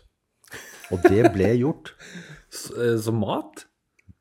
Litt uvisst motiv der, men eh, kanskje de hadde dårlig samvittighet pga. Eh, alle Du vet geirfuglen. Det var en stor alkefugl som fantes i, i, i norske farvann før. Okay. Um, svart og hvit. Stor. Siste ble skutt i 1848 eller noe. Utrydda. Kanskje det var dårlig samvittighet for det. og Pingvinene ligner litt på det. da. Eller Det var i hvert fall, Eller så var det en fyr som hadde skuta tom på vei fra Sydpolen og sa faen, jeg tar med noe, kan jeg ta med noen pingviner? Ja, Eller bare fordi det er altså, god gammeldags, fordi det er artig og lættis, liksom? Sånn Ja, men jeg tror, ja, jeg vet ikke helt motivet. Jeg tror ikke lættis var motivet for stortingsbevilgning, altså. Jeg tror det var for å etablere en pingvinbestand da, på, på øst. Ja. Og det, det gikk eh, ganske dårlig. Det var, jeg tror de hadde med ca. 100 pingviner. Ja, To-tre forskjellige, i hvert fall en del sånne keiserpingviner. De største. Ja, ja. Og det fins jo bilder av det der. Det er en morsom historie. Altså. Og, eller det er jo ganske trist nå, for disse pingvinene de, altså, de levde jo der og, og syntes sannsynlig Men det var, det var så kjipt, for, for de klarte ikke å formere seg.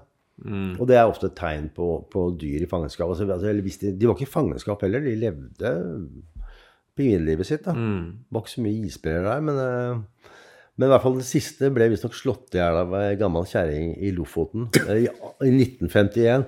hvor Hun hadde sett denne pingvinen komme opp, fra, opp i fjæra, hun var sikker på at det var faen sjøl, så hun tok og slo den i hjel med, med en åre. Såpass, ja. Men ja, ok, og så er vi tilbake til det med å sette ut arter. Og det er jo Norge er jo et veldig spesielt land i europeisk sammenheng når det gjelder frykt for Altså fremmedfrykt. Eh, når det gjelder dyr, da.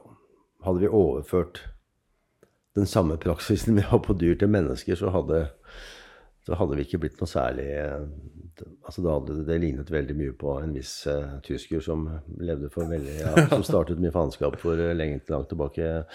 Altså man, har en, man er redd for, for fremmede arter eh, og, og redd for fremmede virus og alt sånt. Eh, det har mye å gjøre med noe som skjedde i 1975. Da ble Gyrodactylus Da kom det noe Det ble importert noe laks fra Sverige som var importert til et sånt prøveanlegg et eller annet i Åndalsnes. De laksene bar på eh, et lite kryp som heter gyro.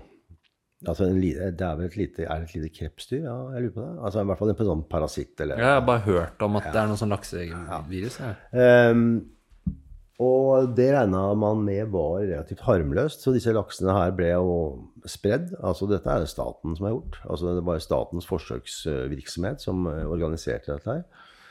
Eh, Det som da skjedde, var jo en katastrofe. eh, Fordi denne gyroen, den spredde seg som ild litt tørt gress. Som alle nyinnførte arter som trives på et visst nivå, de har en tendens til å eksplodere i antallet. Og, og det gjorde jo at eh, altså, Og det er så drøyt at den fisken dør. altså Det setter seg på, på, i slimlaget, og de får åpne sår. Og det ser helt jævlig ut, og det er veldig synlig at Så det ble, en, det ble jo en, en, på mange måter en, en, en økokatastrofe. Eh, og eneste måten å bli kvitt det på, er å drepe alt som har, eh, som har eh, denne parasitten som vertskap. der, dette dyret. Ja. Og Derfor har vi disse, disse rotonon-behandlingene som man har hatt masse av i- langs hele norskekysten.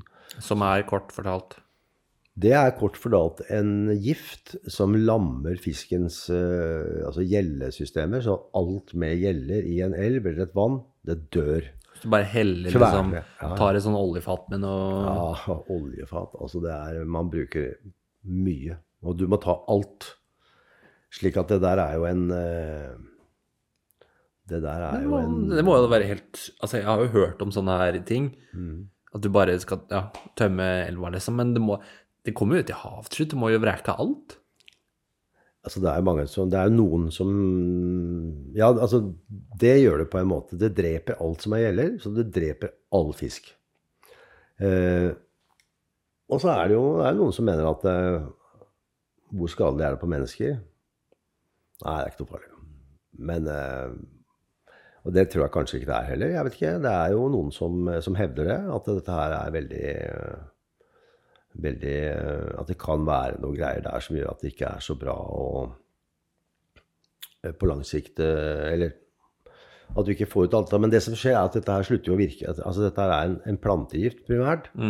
eh, som eh, visstnok indianerne brukte i, i- Amerika i gamle dager. I hvert fall kommer fra en sånn erteblomst som vokser i Sør-Amerika. Eh, og det, er, altså, det, er, det er jo en giftblanding. Er det det du får kjøpt på Felleskjøp inni sånne skap, Nei, eller nei, hvis du skal det spraye nei, ugresset? Det er ikke nei. det? Nei, det er veldig strengt regulert. Jeg har prøvd å få tak i litt, skjønner du, men det er klin umulig. Jeg kjenner en som har en dunke For å analysere det og slå Ja, det mer sånn jeg er hypp på å ta rotta på noen gjedder et sted. Nei, men, eh, men nå brukes dette her brukes jo da eh, f.eks. eh, nedenfor der jeg har et, sånn, jeg har et sted oppe på Hadeland, og nedenfor her så var det noen polakker som satte ut noe gjedde for en, eh, noen år siden.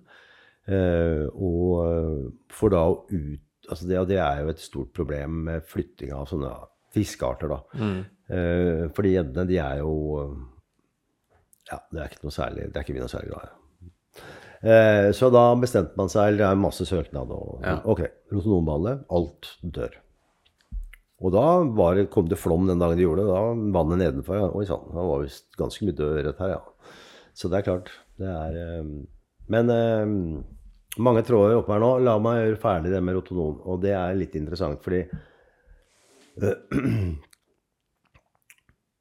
motstand mot det, eller brutaliteten i det, gjør at man prøver å finne andre måter. Eller når man har et fokus på at man skal gjøre noe, så dukker det alltid opp en del alternative måter å gjøre ting på. Og, eh, og det kan ofte være ting som dukker opp uten at det er kontrollert. Så når de nå skal behandle, som de sier, Drammenselva For det er, det er en av to, tre elver som er igjen i Norge hvor denne, hvor dette, denne her finnes, da, denne gyrodactylusen Mm. så skal man bruke Altså hvis du har klor i vannet, så tar du bare dy... Altså gyroen tar alt. Det tar både verten og fisken. Altså det tar fisken og, og den gyroen. Mm. Eh, men hvis man bruker klor, en viss mengde klor, sånn som vi har i drikkevannet vårt her altså Hvis du putter en ørret oppi den der, eh, oppi eh, kjøkkenservanten din og Ja. lar det komme rennende vann, så dør den. For det er så mye klor i det vannet som vi får ut av springen. Ikke mye, ja. Eh, men eh, klor vil ha den effekten at gyroen dør, men ikke fisken. Og det samme med aluminium. Aluminium, eh, altså aluminiumioner. Hvis du har det i vannet, så vil det også ta livet opp til akkurat sånne grenseverdier. Ja. Eh, og det har det da eh, vært forska nå så mye på og gjort så mange prøver med at nå mange steder så bruker man det isteden. Og det er mye Det er jo Mer skånsomt, i hvert. Ja, eh, og det, for det er jo Jeg har vært med på sånne rotonombehandlinger. Det er jo helt forferdelig. Altså, du, du, kom, altså, du kveler jo fisken, da. Ja, ja. Og den derre før de liksom dør alle sammen, så er det sånn de svømmer opp på myra og Ja. Men da eh, tilbake til denne pukkellaksen. Den Eller zombielaksen, som den også blir beskrevet. Nei, altså- innimellom. Den her kommer jo fra Russland. Eh, den laksen som kommer inn fra eh, Som har kommet inn i, i Norge siden 1960, faktisk. Den første invasjonen av pukkellaks i Norge hadde man i, på slutten av 50-tallet, og særlig i 1960. Eh, og, og det jeg savner i hele den både diskusjonen og opplysningen rundt dette her, er, er sammenhenger, da, eh, og, og hva som er hva. Eh, og dette her henger sammen med at russerne Altså Stalin var jo veldig offensiv på mange måter. Eh, han ville ha mer mat. Eh, og så sa han vel til en eller annen fiskeriminister at eh, hvis du ikke skaffer mer mat eh, borti Cola-området, så du har to valg. Enten skyter jeg deg, eller så ordner du dette. Kanskje han sa det. I hvert fall så begynte man i 1933 å hente stillehavslaks. Der har du seks forskjellige laksearter. Man hentet det fra Stillehavet og satte ut i munningene i elver i Kvitsjøen, altså rett øst for Kola. Eh, som altså bortafor Finnmark, da, for å si det sånn. Eh, Starta med en, eh, en eh, den, den, den store fetteren til det som er pokerlaks, Eh, noe som heter ketalaks. Den klarte ikke å formere seg. Eh, I 1956 så begynte de med pokerlaks, den arten som vi nå kjenner.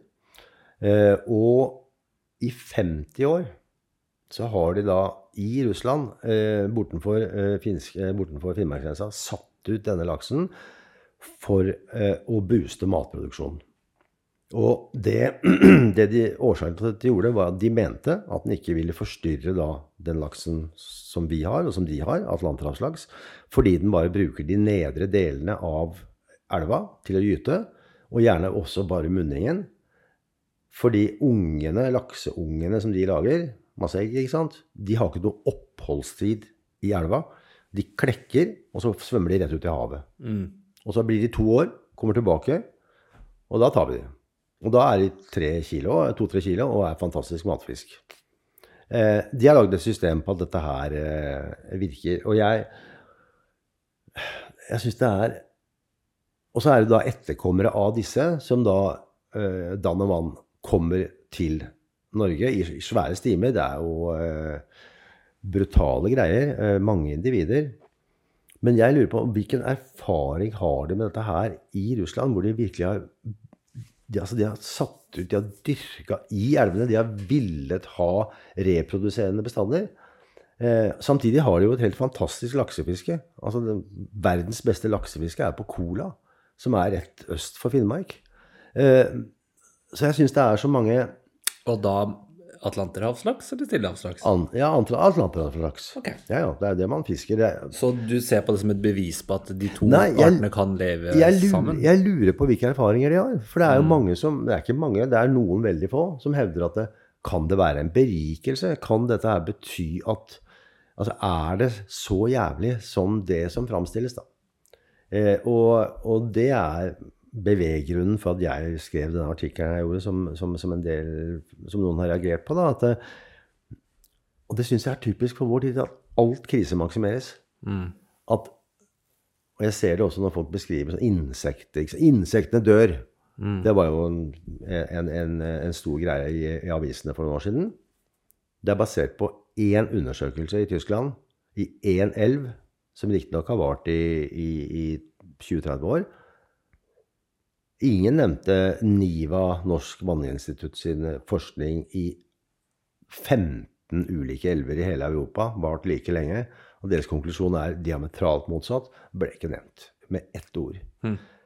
Eh, og jeg syns eh, Og jeg reagerer på i hvert fall de få tingene jeg har litt greie på her i verden. De, eh, når jeg merker at, at altså virkelighetsoppfatningen rundt det, eller bildet av ting, blir helt annerledes enn Jeg syns det er både fordummende og, og, og underlig. Og, og, eh, jeg sier ikke at det er veldig bra med pokerlag, så jeg bare lurer på Nei, det vet jeg ikke. Jeg, bare, det har bitt meg merke. Jeg kan veldig lite om det her, så dette er jo bare Man må bare evne å tenke sjæl, men det jeg har tenkt på, er ehm, For dette får mye oppmerksomhet, i hvert fall på NRKs nettsider, siden det er, det er jo hele landet, ikke sant? Så Finnmark og Troms har sine ting på, på forsida. Når du kaller det sånn som zombielaks og ser at den som råtner, det er jo fordi den skal vel egentlig dø etter den har Ja, ja, den formert seg.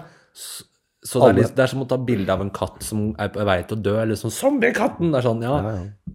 Men det er sånn her Det er som å ta bilde av en hvilket som helst dyr Men- de siste du- dagen av dens liv. Det ser jævla trist ut. Hvis du sammenligner med, en- med en annen invasjon fra øst, da. Kongekrabbe.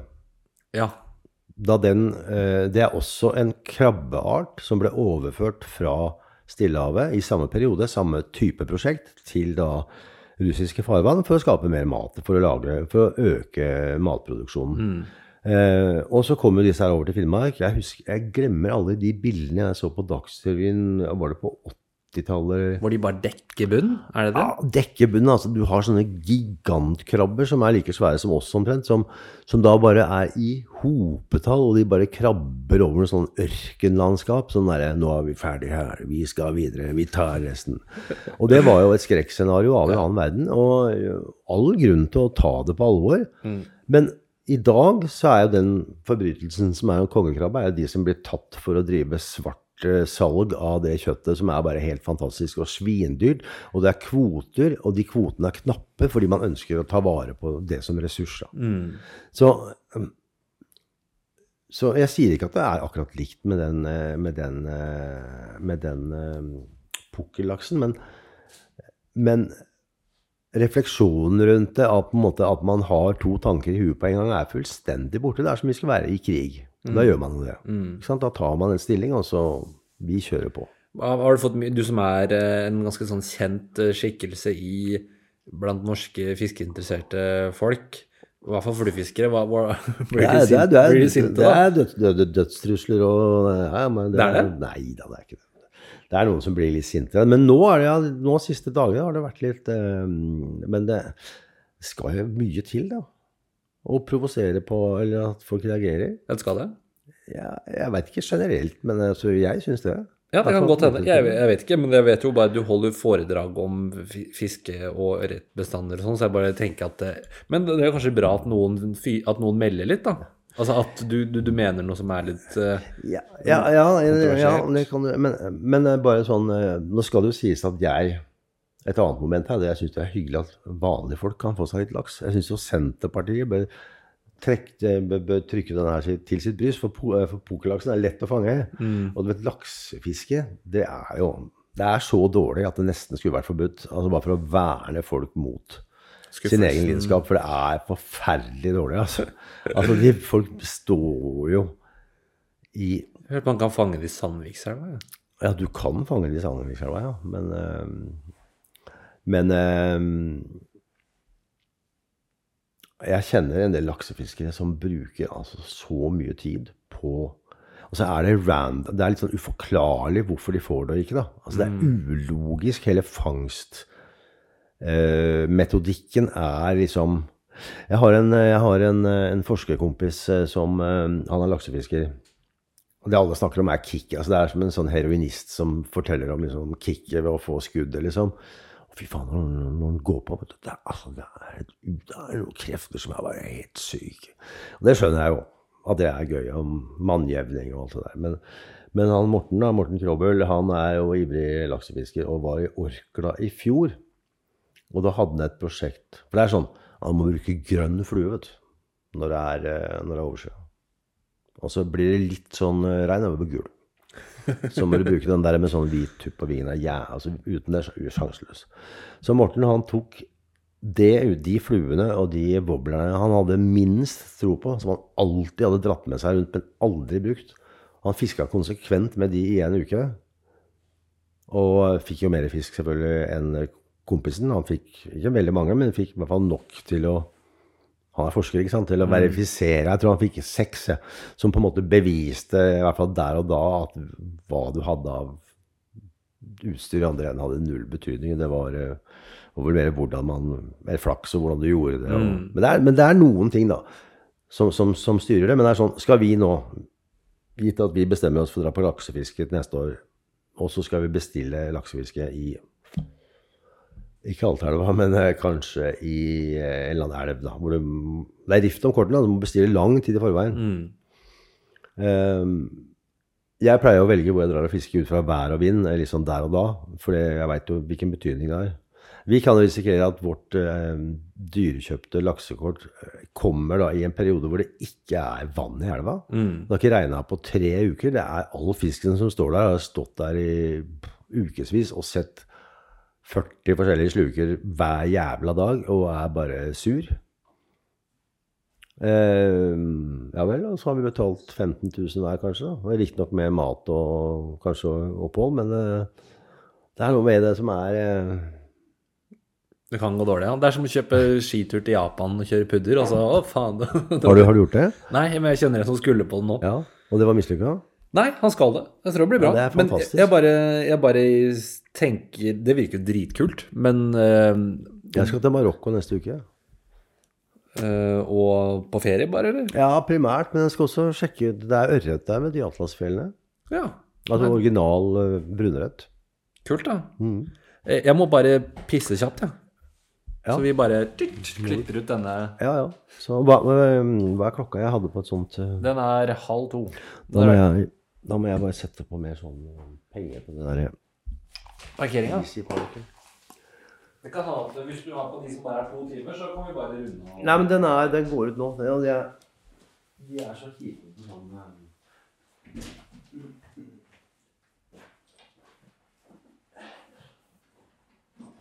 Ja, det er.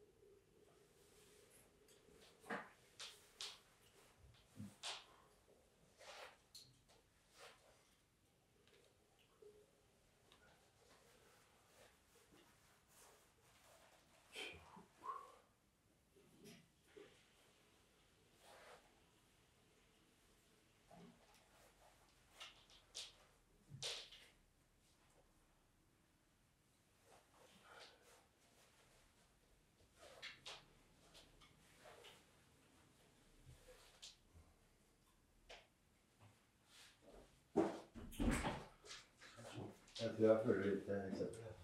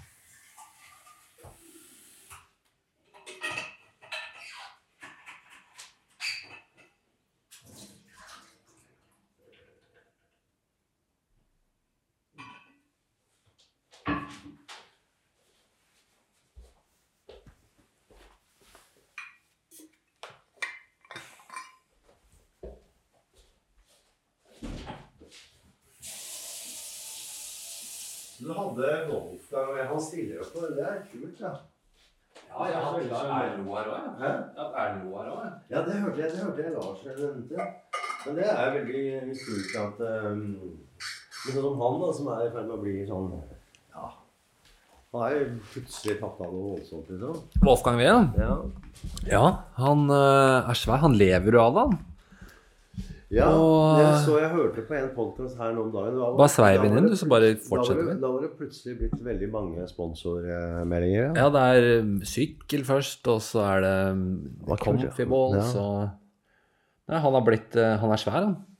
ja, men det er veldig bra. Jeg syns det er veldig kult. Det er, ja. Nå, nå har vi snakket mye om fiske, og bare øh, Vi har snakket jo mye med, Lars om hvor han er fra. sånn. Hvor, hvor er du fra? Eh, det kommer an på hva man definerer som er fra. Det Hvor vokste du opp? jeg vokste, det ikke så langt herfra. Jeg vokste opp helt uh, sør i Oslo, altså sørøst i Oslo. Det som nå er da uh, Søndre Nordstrand, mest belastet, en av de mest belasta bydeler i hele byen. Ja. Hvordan var det når du vokste opp? Ja, knalltøft. Var det det? Flykta inn i skogen. Det var derfor jeg begynte å fiske. Nei, det var, eh, det var jo veldig, veldig fint. Jeg bodde vel Jeg er født i Ålesund, og så flytta vi til Jan. For det fatter'n Lian tar du bare litt Lian. lenger unna. Lian, Ja. ja. Og så Og så derfra til eh, til det som eh, Altså helt på grensa til Kolbotn. Men jeg fortsatte å gå på Lian skole. så Altså jeg- som er Hauketo eller Holmlia? Hauketo, ja, altså mellom Holmlia og Prinsdal, hvis du skal være veldig lokal. eh. Ja, nei, jeg er, ikke- jeg er ikke så detaljkjent. Eller Mortensrud. Maria, ja. For å si det sånn, Da jeg gikk på barneskolen, så tok jeg de siste årene så tok jeg toget fra Holmlia stasjon til Jan stasjon. Det var to stopp. Mm. Og da var Holmlia tre blokker. Det var det. Så ellers var det skog. Ellers så kunne vi om vinteren gå på ski eh, hvis det var nok snø, fra altså hjemmefra og til annen skole. Mm. Så det har forandra seg veldig. Altså, men det som var um, greia, var at Det vet jeg ikke hvordan det er, men uh, på, min, på min tid, da, i min ungdom, var det sånn det å, å, å drive og fiske da, altså Vi dro bort til Kolbotntjernet og fiska med mark og dupp, og det var veldig sånn ynde. Det var mange, mange dreiv med det da. Men um, så gikk jeg på Nordstrand gymnas, og så ble jeg Men jeg ble jo veldig radikalisert, da, som man sier på 70-tallet. Så jeg var med i den ML-bevegelsen og Akkurat på ML, ja. ja, for du har litt looken til en uh, Altså, du har hatt langt hår hele Ja, der det var ikke nødvendigvis langt hår så veldig Det fikk jeg med etterpå, etter at jeg hadde gått ut derfra. Fordi uh, nå har jeg faktisk også lest den ene boka til eh, din venn Lars Lent, som eh, Den norske pasienten, og da får du eh, Jeg kjenner jo ikke han, men jeg har prata med han her eh, og sett han på noen TV-programmer, og da får du et veldig sånn innblikk i Opplever jeg hvem han er, fordi de karakterene Det er så mange ting som ligner på han der. Med skatesko, kortarma, kvikksilverskjorter. Eh, hvordan han skriver om Rykken og, for, og. Rykkens mindre kompleks overfor resten av Bærum. Så det er veldig sånn, det er veldig én til én, men du er jo noen år eldre. Du får lese um, den første boka skrev, som het 'Våte drømmer'. Ja, er, den, eh, bare, er det din variant av det samme? Ja, altså det er alle, alle Hvis man skriver, skriver en bok, da, så handler den primært om en selv. Altså, og gjerne en sånn hva Er det nøkkelroman de kaller det? Eller nøkkel... Ja, i hvert fall det er en bok med Våte drømmer er da en eh, Er da en eh, Ja, det er fortellinger altså, rundt med fiske som tema, men mye av det samme som du eh, Blant annet et kapittel om, om, som heter Gjedda. Vi hadde en av de Alle ungdomsgjenger har jo en sånn frontfigur eller en som er mer pøbel enn de andre, og som Ja. gjerne får stor dominans. da. Og han eh, Vi hadde jo en sånn som, het, som vi kalte for gjedda. Han, han hadde jævlig avla, sånn langt hode. Eh, og, eh, og var selvfølgelig fi- fiskeinteressert og brukte selvfølgelig helt andre metoder enn eh, enn de andre. da. Skøyt med hagle. Ja da, det, og klippet av finnene på mort. Eh, slik at de bare lå sånn i overflata, blaff av, så kom gjedda og tok Ja. Og han drev med sånt. Han var litt hardhendt. Altså, han, han brukte sånne ting i sånne metoder, og var en sånn fyr som i dag hadde blitt eh, altså enten altså, Jeg håper å si tatt, ikke tatt hånd om, men altså Det var mye var ekstremt ganske røft sånn var mye Det skjedde mye med ja, Ganske tøft. Altså sånn, he, noe helt annet enn disse beskytta snørungene som løper rundt her i dag. Ja, i dag fordi altså, du, jeg, altså Broren min var litt sånn pøbel, Mm. øh, så jeg, ja, Han har kanskje ikke skutt fisk med hagle, men det er liksom jeg synes han er, I min verden så opplever jeg at han har gjort alt annet. Mm. Av sånne shady måter å gjøre ting og litt sånn pøblete måter å gjøre ting på. Men, men øh, ja, så var det det er jo gøy med det der AKP-ML-miljøet, da. Hva, hva, var liksom for det skulle Læreren min sa til meg på, på videregående at eh, hun eh, studerte med folk som gråt da Mao døde. Var helt fra seg. Ja, Ah! det hadde kanskje du gjort også, hvis du hadde vært, eh, levd på den tiden. Ja, Men var det så heavy? Ja. Man var, men ville dere ha Hva var målet? Var det væpna revolusjon, liksom? Eller var det bare Det er bare et verktøy. Altså, altså det som da Igjen, man må sette ting i kontekst for å skjønne noe av det. Og Ja, ja. Da, jeg var, eh, da jeg var Du kan tenke deg den første EEC-avstemningen, som vi kalte det da. Altså ikke E- EF, men eh, altså EU. EU. Eh, det var i 1972. Eh, og så hadde du da hippiebevegelsen eller greier på 60- og begynnelsen av 70-tallet. Og så en, så var det i Norge da, så var det en veldig politisering av, av alt med Vietnamkrigen mot slutten. Altså det var på en måte store og, og det å være rad, radikal var veldig akseptert. eh, Og så fikk du da en utbrytergruppe fra SF som het SUF-ML, eh, som var forløperen til AKP. Eh, og det å være liksom i, i fronten på være, altså være med i den organiserte, radikale bevegelsen, det var ganske Altså Det var en ganske kraft. da. Det var mye kule folk som var med der, og du, var, du ble sugd mot, mot det miljøet. da. Eh, og det var jo også sånn eh, Man blir jo fascinert av en eller annen gang i livet å gå i demonstrasjoner hvor du risikerer å måtte slåss med politiet. Og, altså, det var jo det var ganske tøft, da. Mm. Eh, og dekknavn, brukte dekknavn. og det var, eh, altså, Vi var jo liksom Følte seg litt som gutta på skauen, liksom? Ja, litt sånn. Eh, og altså sett i ettertid så er det jo Jeg er overhodet ikke noe bitt... Altså jeg begynte jo å jobbe som Jeg har fagbrev som verktøymaker, da. Mm. Etter gymnaset så begynte jeg på yrkesskolen for å bli en del av arbeiderklassen. Mm. Og det var jo aldri fascinerende, men da jeg lenge nok hadde skjønt at de primært var opptatt av fitte, øl og fotball og ikke så mye annet, så tenkte jeg at ja, ja, da får revolusjonen gå sin egen vei. Du, tok et valg om å Jeg må snobbe ned. Valg? Altså det, var jo, det var jo, om ikke et krav, så i hvert fall ganske tunge føringer på at det skulle snobbes ned det. For det var jo ja, fra miljøet du Ja, hang i, liksom? Det var jo påfallende mange intellektuelle ungdommer da, som var sånn hva skal vi si, ganske oppegående folk som kom fra relativt greie familier, som, som var med i dette her. da. Mm. Og vet, for å føle noe ekte, så må du jo være i Ja, men jeg skjønner det. Det virker jo jeg, jeg, Dette er bare ting jeg har bare hørt sånn der, folk si sånn AKP-ML. Jeg, bare, bare, jeg, vet jo ikke helt hva det er. Jeg har bare hørt om det. Det er litt sånn eh, jeg, tror Ingvar Ambjørnsen også er født i 1958. Er det ikke det ja, det er mulig. At han er litt sånn yngre enn det man Men han var tror. mer sånn Det var jo forskjellige avarter av radikalisme, da. Og Ingvar Ambundsen er med på den anarkistiske, hasjrøykende hippiegreia, ikke sant? Ok. Mens uh, du kommer ikke langt med å få gjort noe her i livet hvis du skal røyke en morgenkjall, liksom. Det, da blir du hengende lenge ved kaffekopper eller hva det er for noe uten å få utretta noe. Og vi skulle jo utrette noe. Ok. Ja, for det er, det, men det er jo en morsom historie hvis du tenker at jeg skal, er, blir en del av arbeiderbevegelsen og må liksom bli verktøymaker, og så har du mange visjoner og ønsker og tanker og liksom er sånn idealist, og så finner du ut at de andre gutta som er verktøymakere, bare gir blankt faen i det. De gir så faen, de. De ga så faen. Eh, men jeg husker jeg kom jo opp i et veldig dilemma, for det var eh, Jeg jobba på noe som het Johansen og Co. stansefabrikk. Det er de som lagde sånne plate, Husker du frontplatene på de gamle sånne stereoanlegg? På sånne tannbær så er det sånne eh, aluminiumspaneler, Er det, ja, nei, jeg tar den ikke på. ikke sant? Altså, ja. Det der du styrer Ja, jeg skjønner hva du mener, altså displayet foran. Displayet foran, de har knapper og knapper. altså, de, de hullene Altså det displayet er en del, da. Ja. Som du da leverer til Tandberg eller da. Det verktøyet som lager de hullene, det var det jeg holdt på med. ja. Og så husker jeg det var jo, og da var det en stansefabrikk, da. Og så var det en eller annen gang på altså, Når var dette her? Det var altså i på slu- 78-79, et eller annet sånt. Ja, jeg, jeg, jeg gikk Altså, det går i lære. Det tok jo tre år, vet du. Mm. Siden har jeg ikke hatt fast arbeid. Det er sant.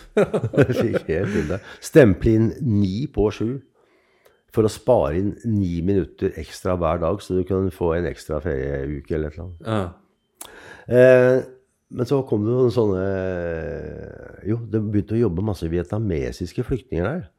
På den, disse stansemaskinene. Ikke sant? Da, det var ikke noen roboter, de satt og bare mata inn. Og så var jo dette her akkordarbeid. Hva betyr det? Det betyr at du får betalt ut fra hvor Altså lønna settes ut fra hva Altså akkorden er en standard på hvor mange, i dette tilfellet, sånne aluminiumsprofiler du klarer å mate inn i løpet av så og så kort tid. Oh, ja. Provisjon, nesten? Ja, kan det en form for Men det settes en standard. Liksom. La oss si ja, for 100 kroner timen, da, da må du ta 15 sånne, eller én sånn i, hvert 20 sekund, eller eh, Og det er klart og Da var det jo mange gamle eller folk som hadde jobba der hele livet, og de, du er ikke så hypp på at den akkorden skal være altfor høy, da. Altså, du, du tar det litt rolig. Og så gikk det en sånn inspektør med stoppeklokke og snacks for og tok tida ikke sant, for at dette skulle justeres. Og så kom disse vietnameserne. ikke sant, ikke um, De var jo ikke, hadde noen fagforening eller noe. Og de jobba jo som faen! Og bare slå over den maskinen. Så de sprengte disse akkordene, ikke sant. Eh, og, og det medførte jo at de norske arbeiderne fikk jo mye dårligere lønn. For akkorden ble satt i forhold til hva disse her Og så fikk du da en konflikt som endte med at, at arbeiderne gikk ut i streik fordi de ville ha vekk disse jævla vietnameserne. Og da kom jo jeg, da, som, eh, som sånn eh, idealistisk kommunistarbeiderungdom og skulle Altså på den ene sida en ekstrem rasisme, ikke sant. Men gutta streika jo, de skulle ha sin rett, og det var fagforeninger som liksom Dette var jo et hardt tilkjempa akkord eh, for at de ikke skulle slite seg ut. og så jeg husker jeg kom jo veldig mellom barken og veden der. da. Men det var ikke noe godt svar på det der. For jeg, og da var jo hele greia ikke sant? Det var sånn jævla gulinger kommer her og fucker opp vår akkord. og Så hvem var arbeiderklassen? Altså hvem var hovedfienden her? Var, Ja, du skjønte ikke egentlig hvem man skulle forsvare der nå, da? Nei, det ble fryktelig vrient, så jeg holdt kjeft. liksom. Og det var vel starten på slutten på min karriere innenfor det Innenfor det Innenfor det greiene der, ja. Så um, Men eh, Hvor var det man hang og sånn da? Nei, det hang eh, på mye møter, da. Og Men, mye men- men det var- studiesirkler. Og, altså, jeg var ikke, var ikke ute på byen og drakk, men jeg var ganske Jeg var jo ferdig med det. Jeg var 20 år, 21 år Okay. Ok. 20-21. Ja, for jeg holdt på å si at eh, du Altså, Woodstock var i 1969, liksom, og man sier jo at hippie-tida var over på slutten av Altså, i San Francisco så var pika den vel sånn 68-69. Eh, Så, da var du ti år. Ja, men du vet, Norge hadde etterslep. Jeg hadde jo en bror som var eh, fem år eldre enn meg. Ok, man tok vet et av er Ja, gjør jo det. Alle, alle lillebrødre gjør det på et eller annet vis. Ja. Så jeg begynte å gå på skøyter og ble med i ML-bevegelsen og spilte i korps og gjorde jo alt det han gjorde, selvfølgelig. Ja. Det er morsomt, da. Det er, det er helt annerledes enn en, en, en hvordan det har vært eh, da jeg vokste opp. Da var det ingen som skulle bli kommunister. Da var det helt motsatt. Ja, det tror jeg på. Det, var, det var så absolutt motsatt. Men, men det, det jeg syns er fascinerende, eller det som er på en måte verdifullt da, med å ha vært i sånne situasjoner hvor man har over tid gjort noe helt ubegripelig, mm. det er jo det at man kan skjønne hvilke mekanismer F.eks. Altså dette, denne totale Altså det er en så idiotisk idé som klarer å organisere så mye oppegående mennesker til å altså mer eller mindre ofre store deler av livet på å gjøre akkurat det. Eh, og hvordan da sånne ja, det, Altså du Ved å ha vært der, så, så, kan du, så vet du mer sånn intuitivt hva det er som skjer. Jo, man kan forklare det på mange måter, men, men eh, Altså hvordan sånn tidsånden da, eh, påvirker deg sånn, håper å si, via bakveien. Eh. Men det var ganske deilig også i en alder av 16 å vite sannheten. da. Svaret på alt. Da. Ja. Kunne spørre meg om hva som helst, om politikk, jeg hadde svar på det. Ja, men hva var det som gjorde at det var, ble en sånn movement innenfor det da? Altså, det, var, det, det var jo Det er, det er forresten vannglass til deg, hvis du Ja, takk. Ja, det var jo på, en måte et, på mange måter et produkt av tidsånden. Liksom. Vietnamkrigen, hvor eh, altså USA Det endte, endte jo også i 75. Var den, da vant jo på en måte vietnameserne, eller de, det lille vietnamesiske folket, Ja. undertrykt av den, den store, fæle amerikanske imperialismen. De klarte liksom å ta rotta på yankiene, liksom. Og vise at det var mulig. eh, og, og da da døde, Mao Zedong døde vel da våren 75, gjorde han ikke det? Jeg vet ikke, men jeg tror læreren min gikk på Blindern da. Sikkert. Så, Og det, og, og det var jo Kina som var det store forbildet. da. Og Albania. mm. Så um, Sånn var det. sånn var det. Jeg er glad jeg ikke Ja, er det, du kjenner, ble, var det noen som ble der? Ja, jeg kjenner noen som uh, Brutter'n min ble der ganske lenge. Ja.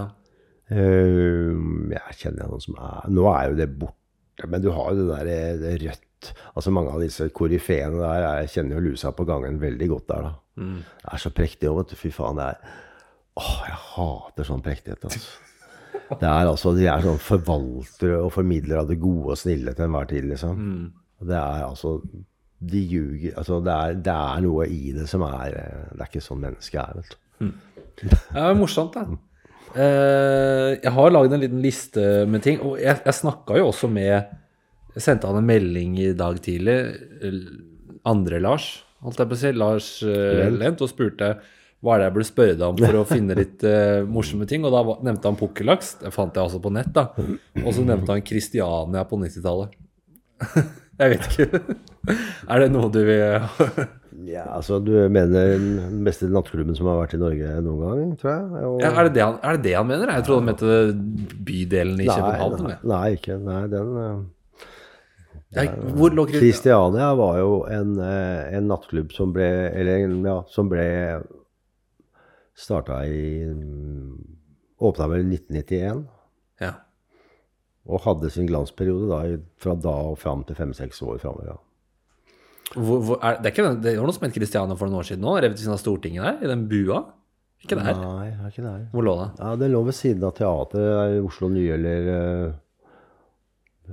uh, Ja, så borte ved Ikke så langt fra Stortinget. Men altså, hvis du tenker deg Ja, det, for jeg tenker på er ti meter fra Stortinget. Nei, nei, det er ikke der. Det, er ikke der. det var uh, en bekjent av meg som som øh, Ja, de starta den klubben, og den var jo helt Det var jævlig kult, rett og slett. I to etasjer. Og det var Det som var morsomt der, var at det var en sånn salig blanding av alle mulige mennesketyper. Eldre, altså mye sånne rare kunstnere, altså homser, transer. Og så var det jo i starten på house-musikk-greiene i Oslo. Og ja, så var det jo mange Nei, det var en veldig Og oppe i annen etasje så var det sånn live jazz og champagne og Det var, det var, det var et sted hvor liksom alle sånne Hva skal vi si av, Liksom du har, vært, har du vært i New York? Ja. Ja, der har du mange rare folk som går ut på gata. Altså, det er en, et oppkomme av ikke, ja, nerder og snålinger. da. Eh, her var det liksom mange av de I Norge så sitter jo mange av de inne på en måte for seg selv og snåler med hverandre nå på nettet. liksom, Men Ja. Her var det bare sånn samling, sånn smeltegryte for alt mulig rart av eh, ja, Alt mulig. ja. Og dritbra musikk. Og ja, så kom det jo Ja, folk var ikke så fulle lenger og tok, noe, tok knark som var bra, og de som knarka. og Det var, det var på en måte en, en vanvittig kul stemning. Så det var det. Ja, det er morsomt. Eh, hva annet er det her? Jeg skrev jo om han derre Cato òg. Han han var så morsom. Han eh, var så heavy metal, eller blei heavy metal er det ikke, det er black metal og death metal han driver med. Ja, Er han fortsatt uh, i live, holdt jeg på å si? ja, ja. ja. Han er selger for Daiwa fiskeutstyr. Ja, han, og det, altså, han, jeg husker bare fordi dere er liksom oppført dere sånn relativt ordentlig, og så plutselig så kommer det en fyr med lang, rød hestehale som banner som faen og, og bare Han er veldig, han er ekstremt dyktig å fiske. Altså, han bruker mye tid på store fisker. Altså, det er påfallende mange i det metallmiljøet som er, som er fiskere. Men eh, da skal de gjerne ha De går for som, det man kaller altså spesimenfiske. Det er sånn, Da går du for de største eksemplarene innenfor hver enkelt art. Eh, og um. Jeg har brukt ganske mye tid sammen med han eh, Cato. Jeg gjorde jo, jeg lagde en film som het 'Storfiskekongen'. Sammen med Bekkevold. I etterkant av et NRK-portrett av han, faktisk. Så hadde jeg så mye materiale. og så, Det var den tiden vi lagde DVD-er liksom, som solgte. Tre timer med Bekkevold. Og karpefiske i Spania og al altså alle mulige syke ting. Eh, så jeg har brukt så mye tid sammen med han, og eh, bare oss to. Og han er Altså, Bård har talent i forhold til altså Mange folk har mye talent. Altså, du kan tenke deg at du sitter sammen med et menneske som forteller historier. Ja, skrøner, kan du si. Så kjenner noen sånne. Og det har en tendens har du kjent dem lenge, så begynner skrønene å, å gå i repeat. da. Liksom, du har hørt det før. Ja, kommer den, og kommer den. Bekkevold.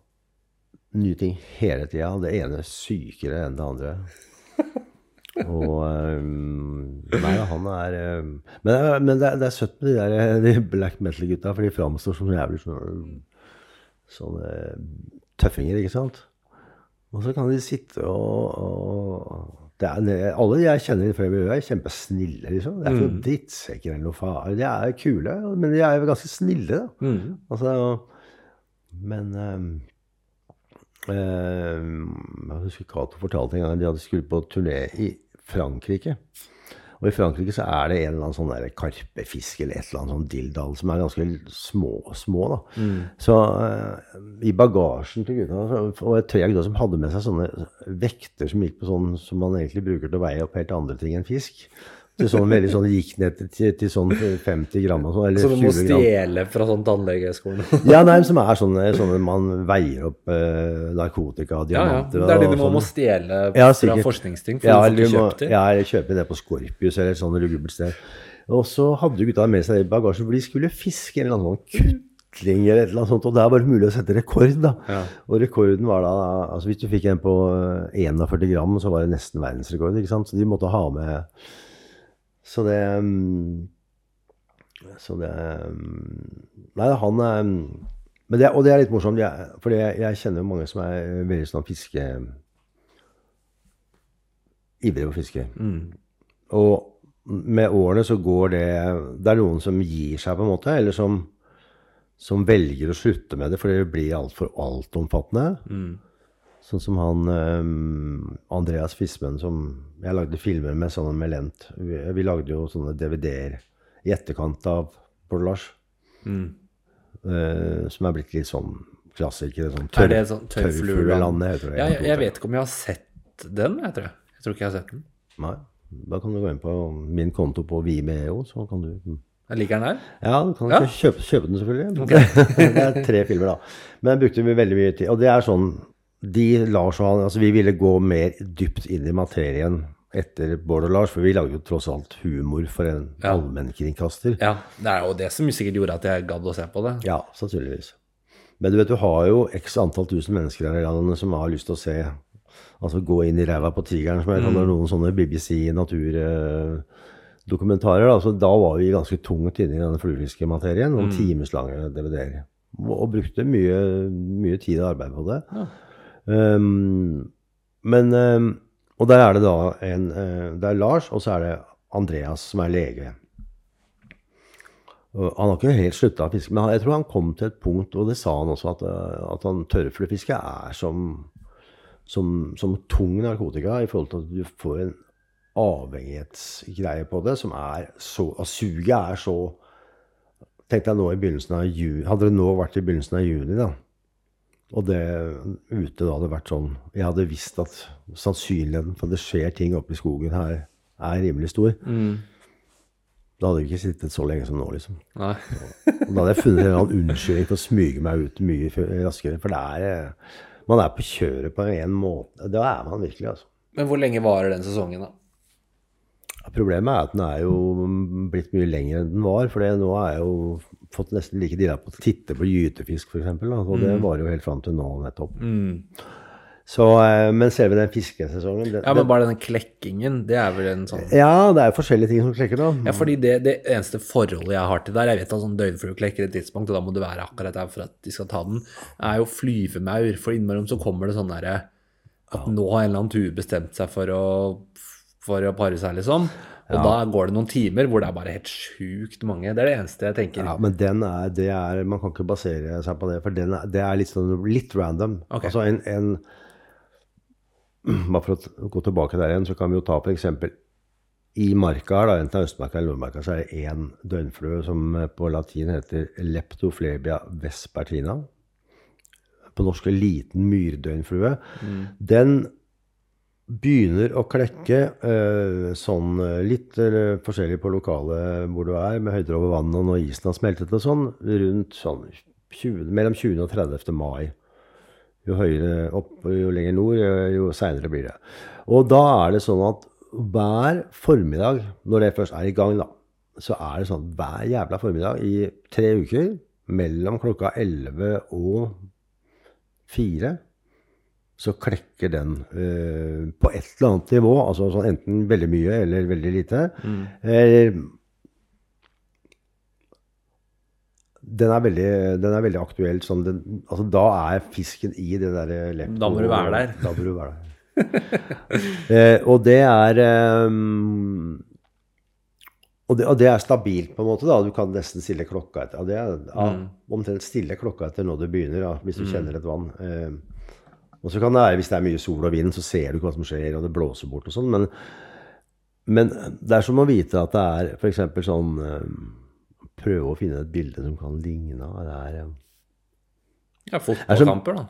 Ja, det kan eller, Under fotball-VM så veit du at eh, klokka Ja, seks og klokka åtte Ja, så er det ja, to kamper. Ja, eller, eller det er noe som foregår i en begrenset periode som du er fryktelig interessert i. Um, og hvis da interessen er så heavy at den på en måte blir en trussel mot omgivelsene dine, og kanskje deg selv, eh, så eh, For man forsaker jo eh, mye. Altså, for det, det å holde på med de greiene som, som jeg og noen altså i hvert fall, Du bruker jo ekstremt mye tid. Altså, altså fokuset ditt i verden er jo minimalisert ned til en, noen sånne småkryp, liksom. Og det, det er jo jævlig på mange måter litt trist og tåpelig. Nei, Jeg må si det. Altså, det er jo Sånn som i går eh, Jeg driver og arrangerer noen sånne temakvelder som er fiskeorientert. Så sitter vi da på tida tirsdag kveld, og 60 mann, må jeg vel si, det er jo én dame der, da, eh, og hører på foredrag om sånne grenseverdier for når yngel kan overleve i forskjellige bekker oppe i Romeriksåsen. Som er øh, Og det er sånn gutta sitter der liksom på tredje timen og følger med på sånne forskningsrapporter. og Det er en sånn blanding av, av veldig vakkert og veldig rart. Og, og, og altså konene vil si det er jævla trist. Da. Ja. Det ja, fordi dette har jeg jo hørt folk si, at man, må, at man neglisjerer familie og, og kjæreste og det som er. Men jeg tenker sånn Ja, men- Hvor ja, lenge kan det være Det, det fins da mye verre ting enn å være ute i skogen, tenker jeg. Ja, ja, helt klart. Det er, det er ganske mange sånne, sånne damer i sånne forhold som er, jeg de er sinte på meg. altså. Fordi du har Ja, liksom fordi jeg har, lok ja, fordi jeg har på en måte forvorpet mannens interesse for hjem og barn, eller hjem og hjemmets lune krok. Ja, det jeg har faktisk hørt det fra flere sånne og Et par ganger er det kommet bort noen sånne Fy faen, du skal vite hva Ja. Så Det kunne vært verre, for å si det sånn. da. Ja, hvordan har det gått for din egen del? Har det vært mye Har det vært krangling og Ja, altså det er jeg Ja, det blir Men jeg har jo den fordelen å si at jeg skal på jobb, da. Ja. Ja, det er sant, det. Ja, det er faktisk Du tar du med kamera, så Ja, eller altså jeg I og med at jeg gjør eh, kamera er én ting, men jeg skriver jo og holder foredrag og, og Ja, for det er også. Ja, selvfølgelig. Så, så alt jeg på en måte gjør i den verden der, kan jo jeg bruke potensielt til et eller annet. Mm. Men du vet, det er ikke så enkelt å forklare overfor folk som eh, Og det er selvfølgelig en veldig god unnskyldning òg, da. Til å bare, til å bare stikke. Nei, det har jo Ikke det at det har blitt I perioder er det, er det er folk er en kjæreste som kan bli veldig sur, ja. Eller sur og sur, men at det er sånn. Det er som, dette er som golf, som også er en sånn sport som tar litt sånn unødvendig lang tid. Um, Problemet vet du, med, med, med det fiskegreiene er at det er veldig vanskelig å si når du skal komme hjem. ja. Men Når er, er treninga ferdig? Ja, men på golf, altså det vet du sånn cirka Ja. hvor mange runder det tar. Eller sånn cirka. Ja. Men eh, jeg lærte et bra eh, triks der. eh, og det kan kanskje være sånn Vi skal vel begynne å runde av, skal vi ikke det? Jeg har eh, Jeg må være seg klokka Ja, ja, selvfølgelig. Ja, vi har presta- nå, Vi har prata lenge. nå er vi over to timer, så da, da pleier jeg å Ja, nei, det er Håvard eh, Stube. Han er en um, særdeles ivrig fisker og en Ja. ja har litt med han å gjøre av og til. Og han eh, Hvis han skal på Jeg håper kona hans ikke hører dette her, da, for jeg tror, jeg tror ikke hun vet det. Men Jeg tror veldig få hører det. Ja, men hvis han skal på en sånn type tur, da eh, Han er veldig sånn drar på været, og så estimerer han at, den, at det tar i hvert fall tre dager. Jeg kan, hvis, jeg er, eh, hvis jeg bruker mye tid, er jeg hjemme etter fire dager. Men til kona sier han at den, nei, jeg kommer hjem om fem dager. Eller kanskje seks. Fordi hun har jo ikke noe formening om i utgangspunktet når, han, altså når dette er ferdig. Men hans greie er jo hvis du kommer hjem før du har sagt At det kan bare være en time før. Eller hvis du kommer hjem tidligere enn forventet, da, da er det så mye bonus. Og da blir de som blir. For alltid er de vant til at du kommer hjem seinere enn det du sier at du skal. Og det, dette her vet jeg. Allikevel går jeg hele tiden i den fella. Og at jeg liksom at jeg sier jeg kommer eh, tidligere hjem enn det jeg kanskje innerst inne vet at jeg kommer til å gjøre. Så, men det, og det her gjelder jo alt, da. Ja, det er et fint tips, det. Hvor Ja, kommer du hjem? Hvor lang tid tar det? Ja, uansett. Mm. Og det der å komme hjem før du er forventet, med mindre kona di holder på med noen lyse greier, det er, det er alltid ekstremt. ja, det er veldig lurt, altså. Helt enkelt. Som alle eh, menn skulle ha lært seg veldig tidlig på skolen, f.eks. Ja, men eh, alle kunne lært seg det, begge kjønn. Men jeg synes det, var, det er et kjempefint tips å runde av med, da, Lars. Um, nå har vi snakka i godt over to timer om fisk og eh, Det har kommunisme i gamle fort, da. dager. Det har gått veldig fort. Og jeg syns jeg har blitt, eh, fått gått gjennom egentlig veldig mye av det. En, eneste jeg hadde det, Du har jo snakket om det, var bare når dere var stuck på Colahalvøya der på en flyplass i en uke. Ja, en uke, ikke fullt en uke, men det, ja, det virka sånn, ja. Det virka fein. Ja, det var ja, det også igjen en av det å, å være i en situasjon. Da må du på en måte ha vært, gjort det for å kunne egentlig vite hvordan det egentlig var. Du kan forklare det eller sånn, tenke deg det, men ja, det var, Men da kan du da også tenke deg med sånn som Bare sånn helt på tampen Når du da En ting er at hvis vi bare skulle på Cola for å fiske, men vi skulle jo på Cola for å lage TV. Altså Vi måtte komme tilbake med noe Vi hadde en uke. Ja, men ikke, jeg tror ikke det blir noe spennende program av den turen. Det er jo, Jo, jo. Er ikke det Da tre drar, vi drar da videre tilbake til Norge og drar opp til den elva som Ja, Len det er det dere ja. aldri ville blåse i hele sitt liv, men som vi tvang han til å gjøre. da. Mm. Så, eh, så det ble det jo TV ja. Jeg husker bare at dere var lenge på den flyplassen, selv på TV. Ja, ja. Jeg tror det var Og så når skal dere dra? Snart. Er snart. Er klart. Da var det en av de amerikanerne sa de som vi møtte, Well, I can just Is it possible to just buy a copter? Ja. I can buy Så, ja, men kult. Men takk for at du kom, eh, Ja, Lars. Og så er jo Lars Lars er jo fortsatt på VGTV, så jeg. Det er Ja, nye ja. sesonger, og Ja, må ha VG pluss, da. Nå er det VGTV pluss. Så såpass. Uh... Ja, det, er, det, det handler litt om sånn finansieringsmessig. Ja, ja. At det er uh... Nei, det er helt fair, det. Og det er masse bra å se der, så Ja. Det er det verdt. Ja, men takk for at du kom. Takk for meg. Da gjør jeg sånn.